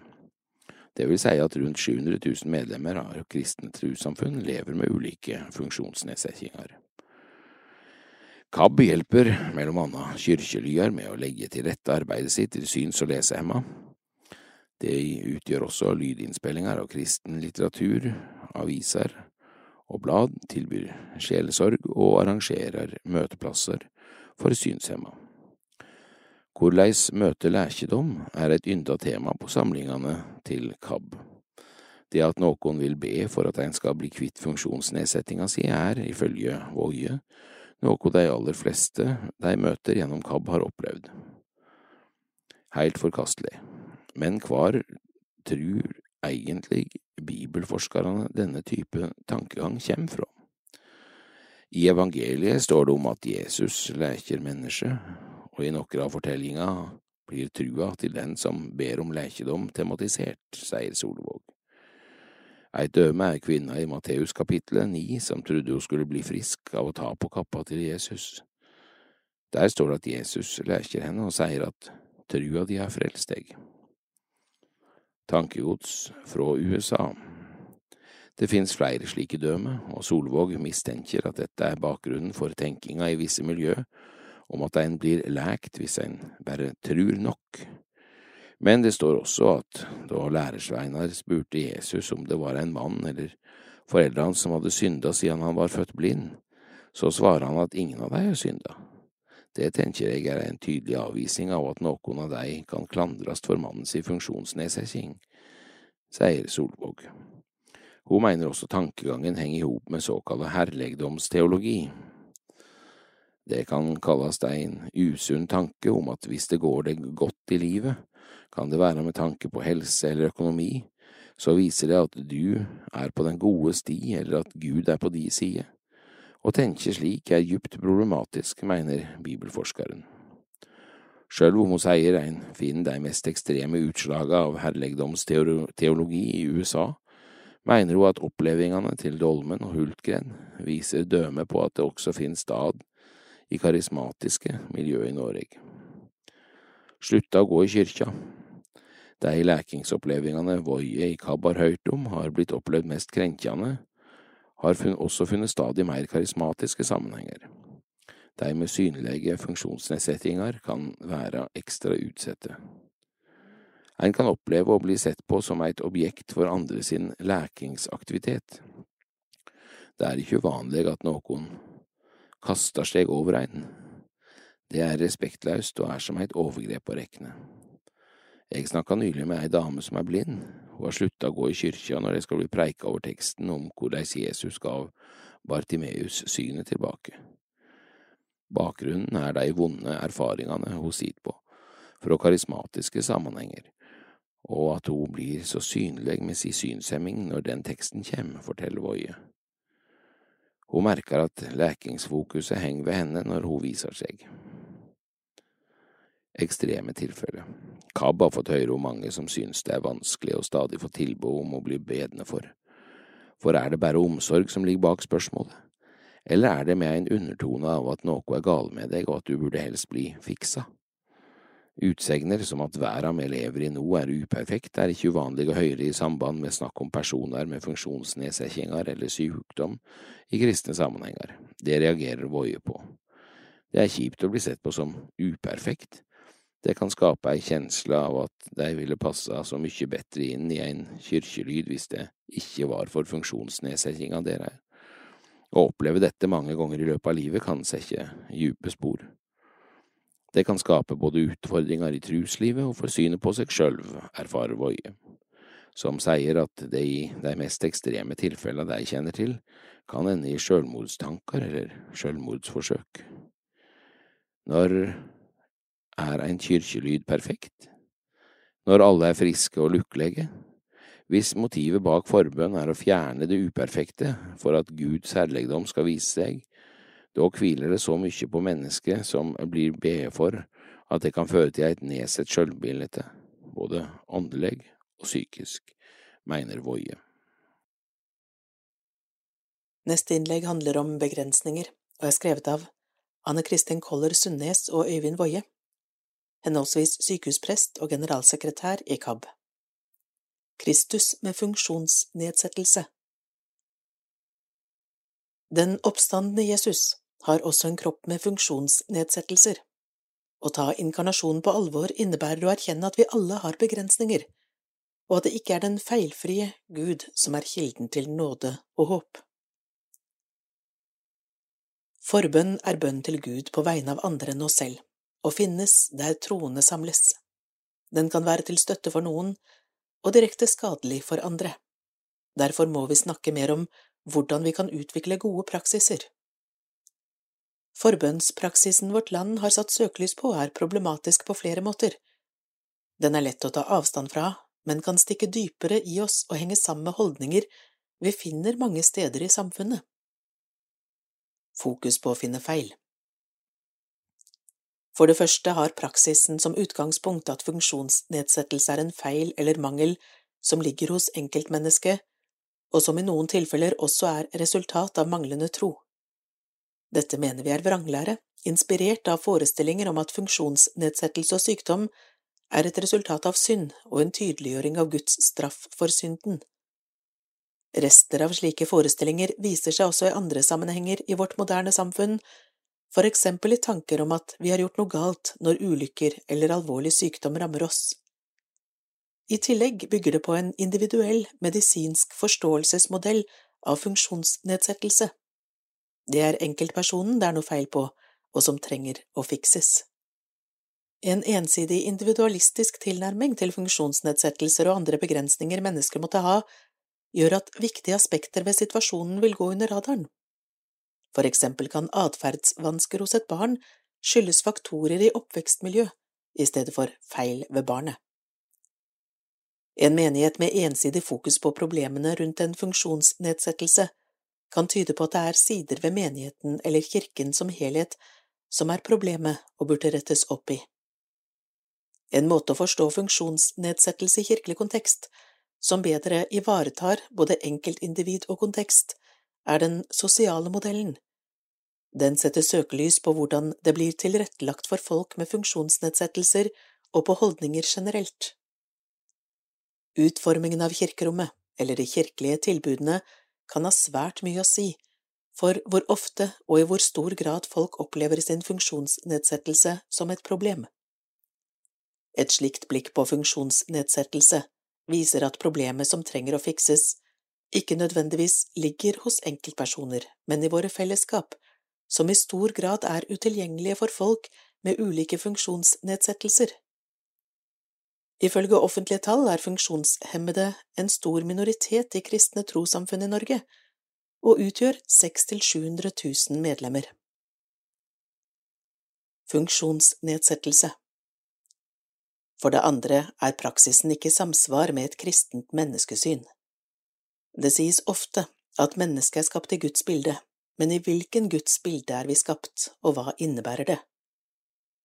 Det aller mest sentrale i kristen tro er at Gud selv ble menneske i personen Jesus. Jesus er altså det tydeligste bildet på Gud vi har. Funksjonshemmingsteologen Nancy Eiesland viser i sin bok The Disabled God 1995 hvordan Jesu kropp også etter oppstandelsen har sår og skader etter behandlingen han ble utsatt for på langfredag. Skader er vanskelig å forestille seg at ikke førte til funksjonsnedsettelser. Det er faktisk disse skadene han blir gjenkjent på av flere av disiplene.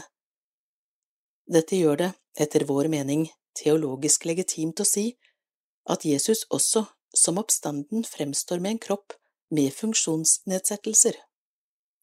Dette får også konsekvenser for hvordan vi skal tenke om menneskets gudsbilledlikhet.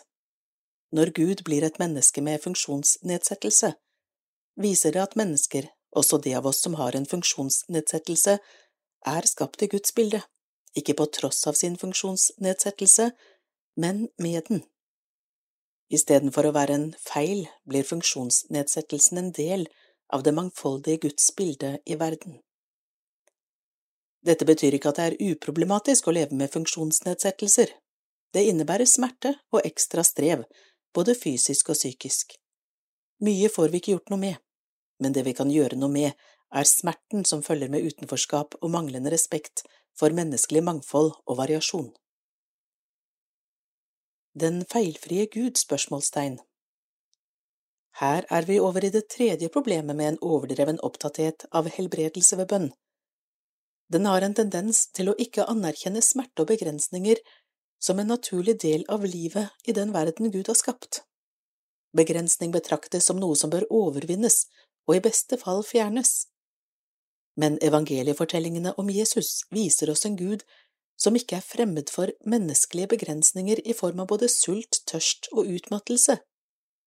Heller ikke for kroppslige skader og arr.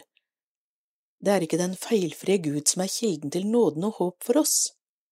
Håpet bringes oss av den inkarnerte Kristi merkede kropp, både ødelagt og oppstanden. Dette gir oss både ord og bilder til å snakke sant om det som er smertefullt i livet, og om det som gir glede. Eisland kaller livet en blandet velsignelse. Det er ikke alltid behagelig å leve. Begrensning og smerte kan ikke alltid fjernes. Vi må leve med og tåle dette, både i eget og andres liv. De aller fleste av oss vil erfare funksjonsnedsettelser på en eller annen måte i løpet av livet. Å ta inkarnasjonen på alvor innebærer å erkjenne at vi alle har begrensninger, og at det er sånn verden er. Maktbalanse for det fjerde ser mye av denne forbønnspraksisen bort fra asymmetrien mellom på den ene siden den som ber, og på den andre siden den som det blir bedt for. Særlig miljøer der funksjonsnedsettelse og sykdom blir sett på som et resultat av synd og manglende tro, vil denne maktasymmetrien føre til at mennesker kan ønske forbønn ut fra en feilaktig tro på at det er hen som er problemet som må fikses. Dette gjør det ikke bare respektløst og ukritisk tilby folk forbønn, men det gjør det også vanskelig å avgjøre i hvilken grad forbønnen er ønsket, også når mennesker takker ja til den. Bevisstheten om maktstrukturer, respekt og lydhørhet overfor hva mennesker med funksjonsnedsettelser opplever som utfordringer, vil øke respekten for enkeltmennesket og gjøre menighetene til gode plasser å være i, både for folk som har en funksjonsnedsettelse, og for folk som ennå ikke har det. Å skyve fokuset bort fra egne bønnebegjær og møte hverandre i en lyttende tilnærming gjennom Jesus sitt eget spørsmål Hva vil du jeg skal gjøre for deg? kan være en av nøklene til en bedre praksis. Byggerne De var deltakere under Norges første sesong av publikumssuksessen Lego Masters på TV 2. På fritiden bygger de gjerne med Lego, men mest opptatt er de av å bygge Guds rike. Ikke noe annet kan måle seg med det Jesus gir oss, sier Kjetil Bergerud Larsen. Tekst Randi Bjelland.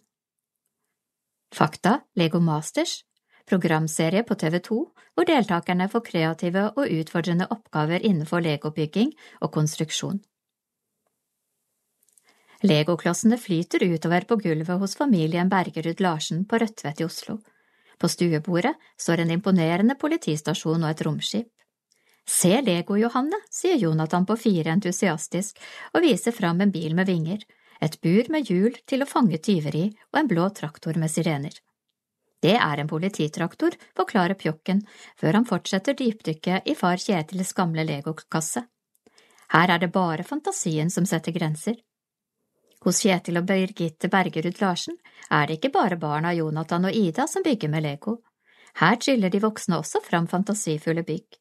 I kveld har de fått besøk av Johanne Brun Edvardsen, som sammen med Kjetil deltok i TV 2-programmet Lego Masters. Konseptet har gjort stor suksess i andre land, og første sesong i norsk regi ble sendt på TV i fjor høst. Her fikk seerne se imponerende legobygging, som også skulle formidle en historie. Både Kjetil og Johanne jobber til daglig i pinsemenigheter, han som kommunikasjonsleder i Filadelfia-kirken i Oslo, hun som ungdomsleder i Pinsekirken på Nesodden.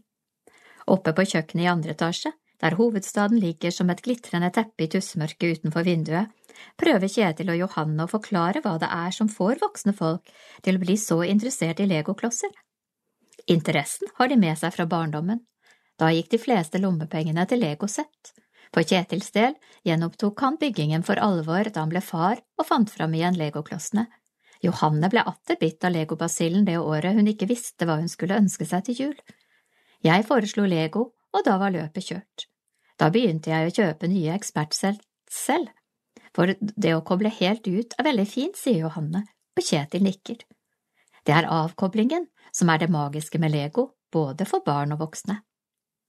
Åpen om livet etter at Johanne hadde fått tilsendt en Facebook-post der en, en, i produksjonen av Lego Masters oppfordret folk til å melde seg på audition til programmet, skrev hun en melding på Instagram for å se om noen kunne være interessert i å være medbygger.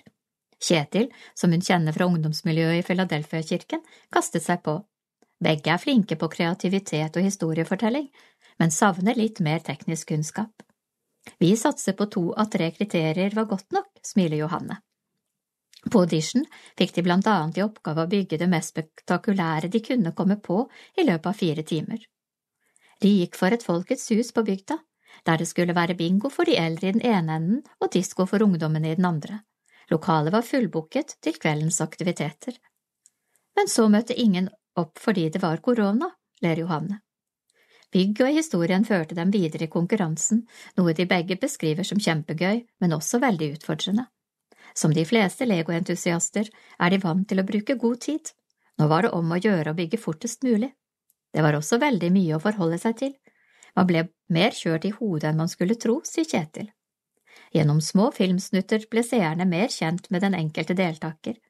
Kjetil ble filmet hjemme i stua sammen med datteren Ida på halvannet år, som har Downs syndrom. I program nummer to stilte han også med en T-skjorte som reklamerte for DJ-kollektivet han tidligere var aktiv i, Jesus Loves Electro. Hvorfor var du så åpen om både hjemmesituasjon og tro? Jeg var i pappaperm, og det var naturlig å ta med Ida. Det er jo bare fint at folk får se henne og vise at mangfold er naturlig uten å si så mye om det. Bam-T-skjorter fikk vi lov til å gå med. Jeg har vært med i Jesus Loves Electro, og gutta holder på fortsatt. Jeg tenkte det var greit å representere gjengen. 27 år gamle Johanne bygger ikke bare med Lego. Hun studerer tjenestedesign, som handler om hvordan ulike tjenestetilbud kan bli best for brukerne. I tillegg har hun alltid engasjert seg i ungdomsarbeid. Nå gleder hun seg til å starte opp igjen standup-kvelder og andre aktiviteter. For pastordatteren ble det en litt glidende overgang fra å selv være engasjert i ungdomsarbeid til å lede det. Det viktigste når det gjelder trosformidling til ungdom, tror hun er å leve ut sin egen tro. Ungdom ser veldig fort om man er ekte eller ikke. Man må leve ut det man snakker om, og representere det man ønsker at de skal møte. Hvor kommer troen din fra? Det er ikke et spesielt øyeblikk som har gjort troen personlig. Jeg har alltid følt meg velkommen i kirken, og det har vært naturlig for meg å ta vare på troen. Jeg har hatt tvilsperioder, men å la være å tro, det får jeg rett og slett ikke til. Det er ikke så lett å forklare sterke personlige gudserfaringer, men de har ført til at hun bare må tro. Jeg tror Gud er i alle de små tingene man opplever. Det har jeg vært heldig å bli minnet om gjennom ungdomsarbeidet også. Det er naturlig for meg å tenke at Gud alltid er med meg troen som bunnplanke. Også Kjetil har med seg troen fra oppveksten, men tok et mer bevisst valg som 15-åring. I starten av 20-årene fikk han et stort ønske om at troen skulle bli mer enn bare en av mange ting i livet. At det ikke bare var skole, tro, jobb og fotball. Den objektive troen på evangeliet blandet seg med den subjektive erfaringen av at Gud fikk ta plass i livet. Gud ble skikkelig sjef og fikk lov til det. Da sank troen skikkelig ned og ble bunnplanken i livet.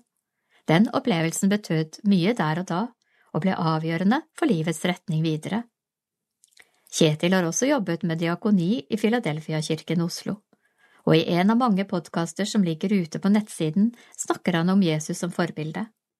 Han refererer til bibelstedet der det står at Jesus gikk omkring overalt og gjorde godt. Hvis man klarer å være hakket mer som Jesus, blir verden bedre med en gang. For eksempel mener han vi har mye å lære av Jesus når det gjelder å ta seg tid til andre mennesker midt i travelheten. Som småbarnspappa haster jeg ofte videre til neste gjøremål, fra jobb til å hente i barnehagen, lage mat og legge barn. Tida bare flyr, sier Kjetil. Jesu evne til å la seg avbryte har gjort inntrykk på ham. Han synes det er fascinerende å lese om hvor ofte enkeltmennesker fikk sterke og livsforvandlende opplevelser med Jesus når han egentlig var på vei til noe annet. Noen dro ham i kappa, andre stoppet ham på veien eller førte andre mennesker til ham. Å få bety noe for andre mennesker handler mye om å ha litt ekstra tid, våge å snakke med folk og handle på det vi tror på når vi får muligheten. Å ha Jesus nær Begge har for tiden valgt trosformidling som jobb. Hvorfor er det så viktig for dere å formidle den kristne troen til andre? I bunn og grunn er det fordi jeg virkelig tror at folk trenger Jesus. Selv har jeg opplevd at det å ha Jesus nær er det beste. Det er ikke oppskriften på et perfekt liv, men det er oppskriften på at man alltid har noen med seg, sier Johanne. Til ungdom sier hun gjerne at å ha Jesus nær er som å ha en venn, bror eller pappa de kan gå til med alt. Å gi det til de unge i 2021 er unikt og veldig annerledes enn det resten av samfunnet har lyst til å fortelle dem. Er ungdom opptatt av tro? Jeg tror mennesker generelt er ganske søkende. Det ser man jo på alt vi oppsøker og gjør oss avhengig av, som sosiale medier. Det å gjøre seg avhengig av noe ligger i oss, men kanskje lengter vi egentlig etter noe større, etter Gud? Mange vet nok ikke at det er Jesus de søker, og at det er han som kan fylle den indre lengselen etter fred. Det er jo det vi som har erfart det, kan fortelle dem. Kjetil har mye av den samme motivasjonen for å ha trosformidling som jobb. Det er ingenting annet jeg har lest eller funnet i denne verden som kan måle seg med det Jesus gir oss, både når det gjelder troverdigheten i historien om ham, budskapet han kommer med om håp for evigheten, og fruktene vi kan oppleve i livet ved å leve i etterfølgelse av ham. Det kan være å kjenne på en fred selv om det stormer, eller å ha alltid ha noen å søke råd hos. Derfor vil jeg så gjerne gi videre det jeg selv har erfart. Tilbake i legohaugen i stua får Johanne og Kjetil en oppgave. Bygge noe som representerer troen deres på to minutter. Det må bli et hjerte, sier Johanne, som allerede er i gang med å demontere en bil. På et øyeblikk er resultatet klart. Et hjerte med fartsstriper. En misjonærhistorie Del 1 Jordmorkofferten av Helene Reite Uglem. Sylvi Hevrøy dro til Etiopia med en jordmorkoffert, men endte opp som lege, kirurg, tannlege og dyrlege. Ei 26 år gammel jordmor fra Vestlandet har bytta ut strikkejakke med hvit uniform. Utenfor en avsides klinikk står 50 mennesker og venter på at hun skal åpne. Et samlebånd av brannskader, underernæring, tarmslyng, kompliserte fødsler og tannverk. Autoklaven, en gammel trykkoker, forkjølt seg i dag. Turnusen hennes er å alltid være tilgjengelig. Hun gjør inngrep hun aldri ville fått lov til som sykepleier i Norge, blar i lærebøker, ber, langt vekke fra sykehus, leger, narkose og den slags, kanskje for resten av livet? Det veit hun ikke ennå. Et misjonskall kan bety livet ut. Hverdagen er så intens at når hun forteller om den i dag, kan folk miste både munn, mele og nattesøvn. Hun trodde hun skulle til Etiopia for å ta imot nye værsborgere. Der tok hun feil. Begi 1973 Når mørket faller på er arbeidsdagen over, men ikke i dag. Det har vært mørkt lenge når hun set fra seg jordmorkofferten i gangen, den hun fikk av venner på Flesland ved avreisa. Hun set seg, beina verker. Tenner to stearinlys og legger merke til bunken med avisa Dagen på bordet, hun blir kvalm. Magen er tom, hun rakk ikke middag i dag, for pasienten hadde vært i fødsel ei heil veke da Sylvi egentlig var ferdig for dagen. Kvinnas livmor hadde gitt opp, ingen rier, ingen fosterlyd, hun var hoven. Hadde noen prøvd å få ut barnet sjøl? Det var ikke tid til spørsmål. Sylvi fant heller den største sprøyta på klinikken, stakk den gjennom bukveggen og tappa ut flere liter urin. Først da kom barnet ned, livløst. Det er ikke første gang jeg mister et barn, forteller pasienten. Du er heller ikke aleine, tenker jordmora.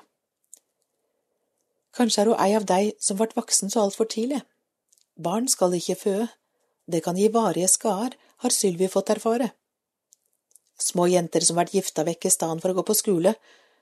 Det kan også være seinskar etter omskjæring som er rota til problemet, men det grunnleggende er at helsehjelpa er for langt unna.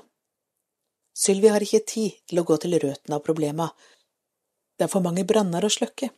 Her, to dagsreiser fra Addis Abeba, av og til aleine på jobb, er det ikke tid til å tenke på hvorfor alt er som det er. Hun ser på kvinna. Hun blør bare moderat og smiler mot den hvitkledde. Neste gang må du love meg å komme før, bønnfell Sylvi, og smiler tilbake før hun går for å finne noe å legge barnet i. Auka fell på dagen, det vert ikke mye tid til lesing, men nyttig er den, tenker hun og bretter avisa utover bordet, plasserer den vesle kroppen over midtsidene, legg merke til at formatet passer perfekt, knytter en hyssing rundt og løfter han, lett, men likevel tung. Sylvi skriver heim, på konvolutten står det Mastrevik, ei fjern vær no. Hun leser gjennom brevet. Tvillingfødsel, setefødsel, tanntrekking, fistula, død, politisk uro, et muldyr som får penicillin, en slange på do. Hun prøver å ikke kjenne etter hvordan hun egentlig har det. Ragnhilds koffert Fødsel Ingen snakka om sånt i Mastrevik, men Sylvi var nyfiken. Hva det egentlig jordmor Ragnhild i kofferten sin, undra Sylvi gjennom oppveksten i den vesle bygda nord for Bergen. Den lokale jordmora bar på et stort tabu. Jeg hørte rykte om ei ku som skulle kalve på en gard i nærleiken. Jeg sneik meg inn. I skjul så jeg det nye livet velte ut. Klokka er tre på natta da det går opp for henne. Det kan umulig være en baby som skjuler seg i kofferten til Ragnhild. Kanskje var det her jeg forsto at jeg ville bli jordmor, smiler Sylvi, en målbevisst ungdom. Hun skal bare ta et år på folkehøgskole først, og det er da det skjer dette uforklarlige.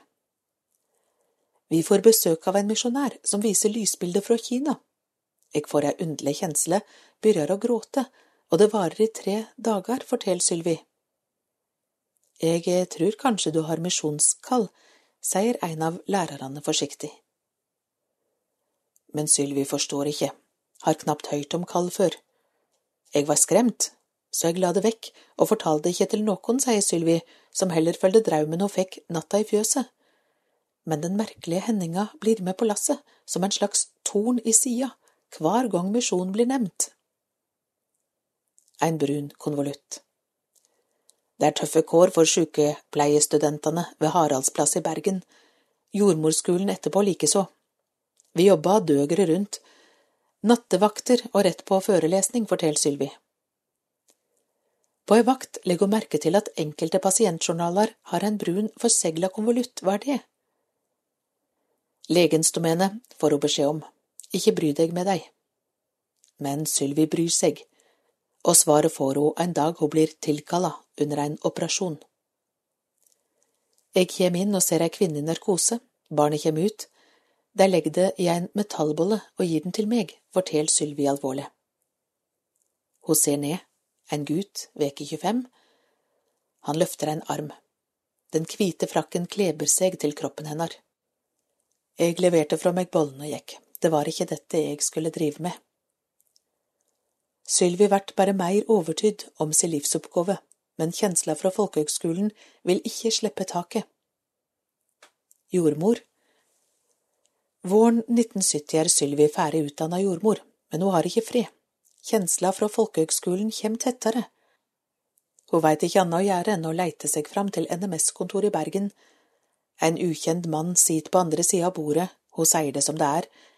Jeg er jordmor, og jeg har visst misjonskall. Så kjem freden, og tårene triller nedover den ukjente mannens ansikt. Jeg har jobba med misjon hele livet, sier han. Men dette er min viktigste arbeidsdag. Sylvi blir ei av de første misjonærene NMS sender til nybrottsarbeidet i Etiopia. Ei ny forståing av misjon er i framvekst, ei forståing av at diakoni og utviklingsarbeid også er misjon, ikke bare noe en gjør i tillegg. Og Mekane Jesuskyrkja i Etiopia har spurt etter slike som Sylvi, jordmor med misjonskall. Misjonsskolen for kvinner. Så går alt veldig fort, familien blir overraska og bekymra, men Sylvi har endelig fred, og er ikke aleine. Sammen med 20 andre kvinner begynner hun på Misjonsskolen for kvinner i Oslo. De studerer kart, lærer om andre kulturer. Tidligere misjonærer underviser. De serverer ikke glansbildet, men forteller om sardiner i hvit saus på julaften og slanger som spytter gift. Sylvi grøsser. Veit ikke at hun skal møte større utfordringer enn sardiner. Jeg glemmer aldri besøket av Millie Kopperud. Ord kan ikke skildre alt hun har opplevd gjennom et liv som misjonær på Madagaskar. Likevel heldt hun fram hvor heldig hun var, forteller Sylvi, som likevel lurte på om hun drog med livet som innsats. Fire tønner og ei kiste. Kullingene reiser hver til sitt. To av dei, Gjertrud og Herborg, skal du aldri treffe att. Eg såg det i avisa flere år seinere, nyheita om to norske misjonærer som omkom da de skulle kjøre over ei bru på Madagaskar. Men Sylvi veit ikke at den tårevåte avskjeden er den siste. Hun kjøper seg ei campingseng, lett å frakte rundt, tenker hun. Faren snekrer ei stor trekiste. I den presser hun kleda sammen med en kleshenger. Ei kiste og fire tønner seinere er hun klar for avreise. Jeg kan nesten fysisk kjenne forbøna i ei stappfull Austreim kyrkje. Kjente og ukjente hang over kanten på galleriet, nyfikne på bygdas første misjonær, minnes Sylvi. 3. april 1973 står hun på Flesland. Venner har spleisa på en jordmorkoffert til henne. Hun åpner den, kniver og tenger, alt hun trenger, nå skjer det og når hun endelig ser soloppgangen over Addis Abeba fra flyet og den røde jorda der nede, blir hun rørt. Men snart skal hun lure på hva i all verden hun har gjort. Tyfoidfeber Det begynte med mageknip. Jeg trodde først det var høgdesjuke, men så kom feberen. Resten husker jeg faktisk ikke, forteller Sylvi, som ble funnet bevisstløs av kollegaene. Det kunne gått skikkelig gale. Førsteinntrykk og eventuelle kultursjokk var det ikke plass til, det handla om å overleve. Først etter tre måneder fikk jeg begynne med opplæring i tropemedisin. En lege lærte meg mye jeg aldri hadde gjort før, og heller ikke hadde lov til å utføre i Norge, forteller Sylvi. Den lutherske Mekane Jesus-kyrkja plasserer misjonærene der de trengs. Sylvi skal snart til Vest-Etiopia, til klinikken i Begi, i provinsen Volega. Begi? Lukta av smør, kamfer og hvitløk fyller bussen. Sylvi ser ut på støvet som virvler opp på den humpete vegen. Utsikta gjør henne målløs, grønne daler og meskelblom som danner et gult teppe. Så går hun over i et fly med fire seter, lander på et jorde. Hun er i Begi. Med sommerfugler i magen går hun ut i en rødbrun røyk. Men når den legger seg, blir hun stående litt og sjå. Et bølgende grønt kunstverk. Fjella i Sudan i det fjerne. Hun skal bo blant julestjerner, hibiskus og eukalyptus sammen med en prestefamilie og en jordmorkollega. Det runde huset er lite, men hender. Ei enkel stove og et soverom, to kilometer unna den nye arbeidsplassen. Jeg trodde nesten ikke mine egne øyne, klinikken var et skur, innrømmer Sylvi at hun tenkte. Dette skulle altså romme poliklinikk, behandling, undersøkinger og lab. Ei føstove uten utstyr, så trang at senga sto inntil veggen, forteller Sylvi. Men ei føstove, i alle fall, tenker hun pragmatisk og ser seg rundt. Vaskerommet? Ute, sier kollegaen og peker på et oljefat med ved som oppvarming. Aggregat? Nei. Venterommet? Også ute, sier kollegaen og peker. Og i morgen vil det stå opp mot hundre mennesker og vente på deg. Legen er en to dager lang biltur unna. Han kjem to ganger i året. Lykke til. Bratt læringskurve. Hvordan var en typisk arbeidsdag? Vi starta med andakt for dei som sto i kø. Så byrja behandlingene. Fra klokka åtte til det var mørkt. Fra 13 til 15 steikte sola, og alle var heime. Det skulle våre siesta, men vi måtte nytte den til å lese lærebøker. De to kollegaene tek hver si veke med nattevakt, men som regel må begge jobbe da òg. Den bratteste læringskurva i mitt liv. Noen av hendingene har skapt varige arr, det var ikke forsvarlig, mener hun. Fødsel er faget hennes. Likevel er det dette som blir det tøffeste. Av alle fødslene overlevde bare fem barn, resten hadde ikke fosterlyd da de kom til oss. Vi måtte konsentrere oss om å redde mødrene. Det vart en seier midt oppi alt. De fleste fødde heime. Klinikken var siste nødløysing, men det kom for seint. Ofte satt barnet fast. Vi måtte partere for å få deg ut. Det gjør noe med deg. Fikado. Hun trekker tenner og behandler muldyr, syr store skader, improviserer. I dag er hun aleine på klinikken, hun skal til å stenge da tolken kjem. En pasient kjem langvegsfrå. På ei båre, sier han og peker på ei eldre kvinne og en haug med klær. Hvor er pasienten, undrer Sylvi. Hun setter seg ned og grev seg fram til en liten kropp. Han er full av fjør. Hun ser spørjende på kvinna. Gutten lå i hytta da det brann. Det er to veker siden nå, kan hun fortelle. Han er forbrent fra hode til fot. Uten bandasje tilgjengelig, tek han det en har. Der ribba en fugl og strødde fjør over såra. Tilstanden var kritisk, han var slapp, tynn og apatisk, såra infiserte. Eit skremmende syn, forteller Sylvi, som visste hva det betydde. Ei bestemor skal snart få den verste beskjeden hun kan få. Barnebarnet kommer til å dø før henne. Det er ikke slik det skal være, men det er sanninga. Det er ikke mer vi kan gjøre, det er for seint. Bestemor har vært stående. Han heter Ficado, og hun går ikke herifra før han blir frisk. Sylvi forklarer det en gang til, men bestemor har flytta seg ikke en meter, hun står, for barnebarnet sitt. Han kjem til å dø, ta han med deg heim og ta farvel, sier Sylvi. Men nei, Sylvi finner ei seng, hun får improvisere resten i morgen. Rykte om uro og midt i alt dette, innimellom brannsår, vonde beskjeder og knuste pårørende, kjem det rykte, rykte om ein ulmande vulkan, En revolusjon er på vei. Etiopia er et av verdens fattigste land, men ikke for en velstående elite med keiser Haile Selassie i spissen. Folk har fått nok. Studentene ved universitetet i Addis Abeba krever jordreform og rettferdig fordeling. Vi visste ikke alt dette og merka ingenting. Hørte bærer rykte om at klinikken var utsett og at vi måtte bu oss på flukt, forteller Sylvi. Hun tenker på flyet fra Begi, som bare går tre ganger i veka. Så tek dagens gjæremål henne. Hun må tenke på pasientene, og en fem år gammel gutt som ikke ser ut til å klare seg. Hun lager et lite telt av eukalyptusgreiner og laken, prøver å løse ei fjør, men de sitter som limt fast. Vi tok det vi hadde, laga en graut av vaselin og pulverisert penicillin som vi dynka fillene i, fortalte Sylvi. De dekka gutten med dette og håpa på det beste. Resultatet overraska deg. Etter ei veke klarte vi å fjerne fjøra og fikk reinsa såra. Da kom han seg litt etter litt. Sylvi glemmer aldri det første smilet, heller ikke alle som kom etter det. Skuldingene, de har redda et liv.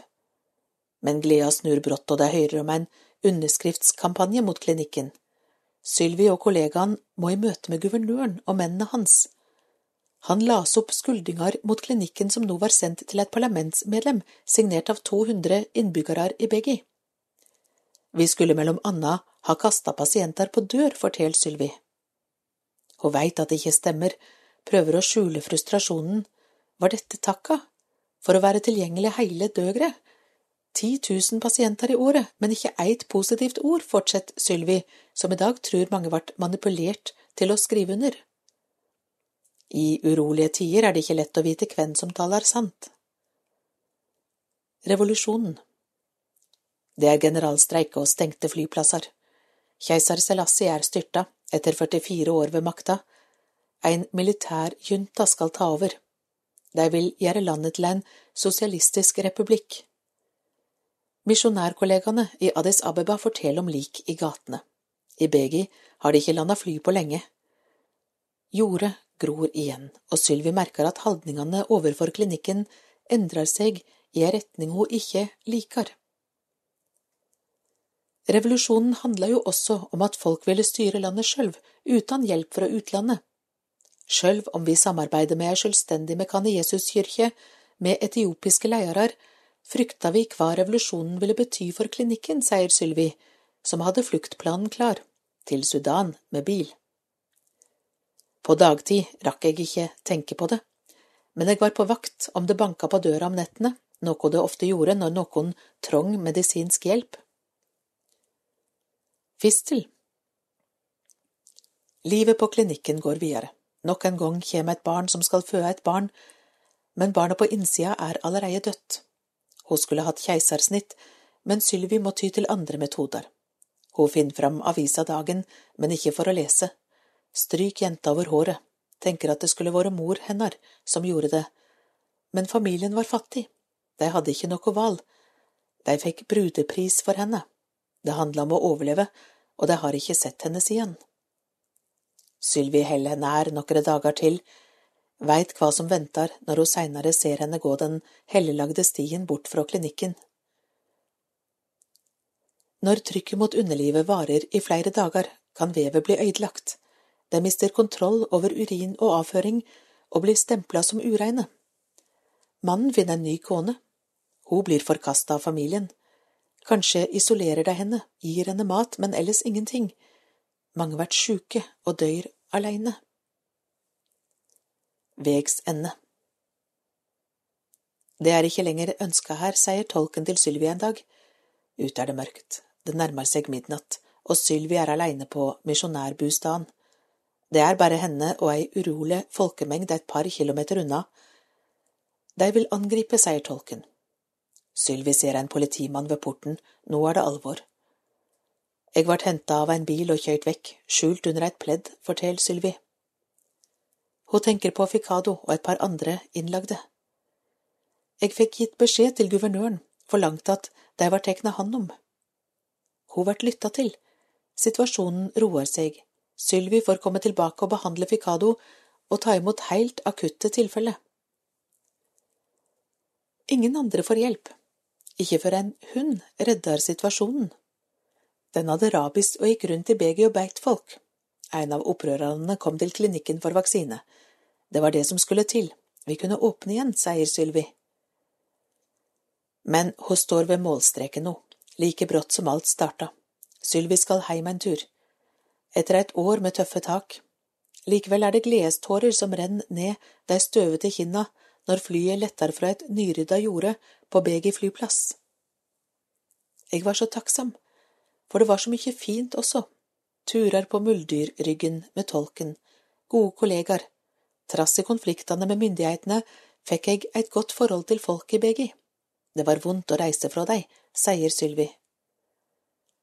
Hvor etiopierne vil ha henne neste gang, veit hun ikke.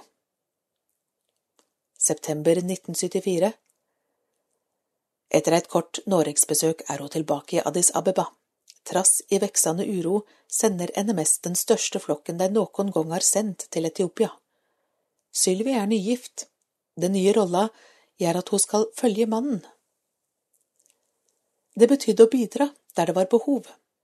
Jeg var innstilt på det, sier Sylvi, som likevel lurer på om hun noen gang skal få åpne jordmorkofferten igjen.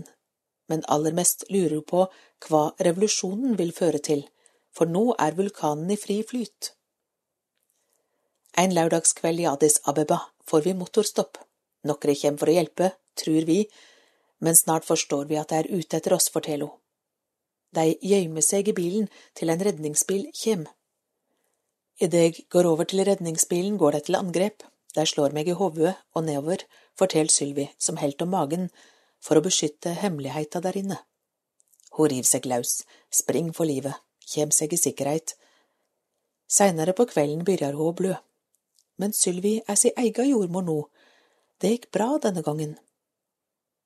En lørdagskveld i oktober hører de skudd. Kollegaene står tett sammen i trappa i misjonærbostaden og forstår ikke hva som skjer. I en time står de slik og lytter til det som trolig er tungt artilleri. Neste dag får vi høre at skåta var retta mot regjeringa. To skandinaviske journalister var tatt til fange, forteller Sylvi, som får beskjed om å pakke. Hun ser ennå for seg sekken på gulvet. I den ligger et teppe, ei flaske og Bibelen.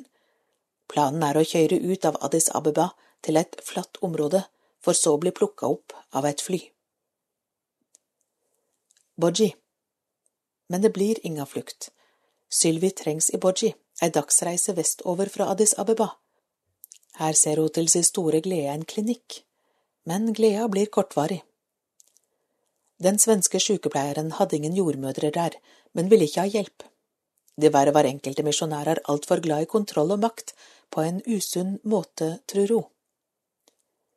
Men Sylvi får nok av annet arbeid å henge fingrene i, gjester, handling, brødbaking og jordmorkontroller på seg sjølv, og på sjølveste 17. mai blir hun mor for første gang. Hvordan var den overgangen? Stor. Jeg uroa meg for tropiske sykdommer, og ikke minst for den politiske uroa, svarer Sylvi. Redninga blir ei 40 år gammel enslig kvinne som er blind på eit auge. Ingen ville ha henne på grunn av dette, men for meg betydde de sitt to alt, jeg glemmer aldri personligdommen hennes, trøysta hennes, måten hun lærte dotter mi handlaget med å ete injera. Jeg kunne bli sittende og se på dei timevis, nyte den gjensidige gleda mellom dei. Heim. Etter fire og et halvt år med uro vel NMS å sende misjonærene heim. Det var veldig tungt å forlate de sito. Samstundes hadde jeg ikke bare meg sjølv å tenke på lenger. Vi måtte komme oss i sikkerhet, sier Sylvi som tek fatt på ei lang reise heim. Gjennom tallause kontrollposter og endevending av koffertar og kasser, knuste kopper og draumar. På flyet er hun letta, men hun klarer ikke sjå Etiopia der nede, tårene blender henne. Sylvi kjem heim før NMS har byrja med organisert oppfølging av heimkomne misjonærer. Alle som virkelig forstår henne, er i Etiopia, eller tidligere misjonærer, som nå er spreid rundt i Norge. Det sveiv rykte om hvordan det kan gå med heimkomne misjonærer, sier Sylvi. Det kjendes som om jeg hadde vært i en krig, og det hadde jeg jo, sier hun og viser til en middag i hagen til søstera like etter heimkomsten. Vi grilla ute i det fine været da vi høyrde flere skudd til nærleiken. Da for eg opp. Både jeg og de andre ble overraska over den sterke reaksjonen. Her var det ting å ta tak i, forsto Sylvi. For søstera var bare nabo til en skytebane. Men Sylvi er fremdeles i alarmberedskap og reiser aldri til urolige land. På en helt annen kant er Vietnamkrigen over, men ikke ringverknadene av den. Det skal Sylvi erfare på nært hold, på ei øy bak høge gittergjerde. Del to kommer i MT1 i januar. Liten note. Etter misjonærtjenesta i NMS gikk Sylvi gjennom ei skilsmisse. Det som blir formidla her, er hennes historie.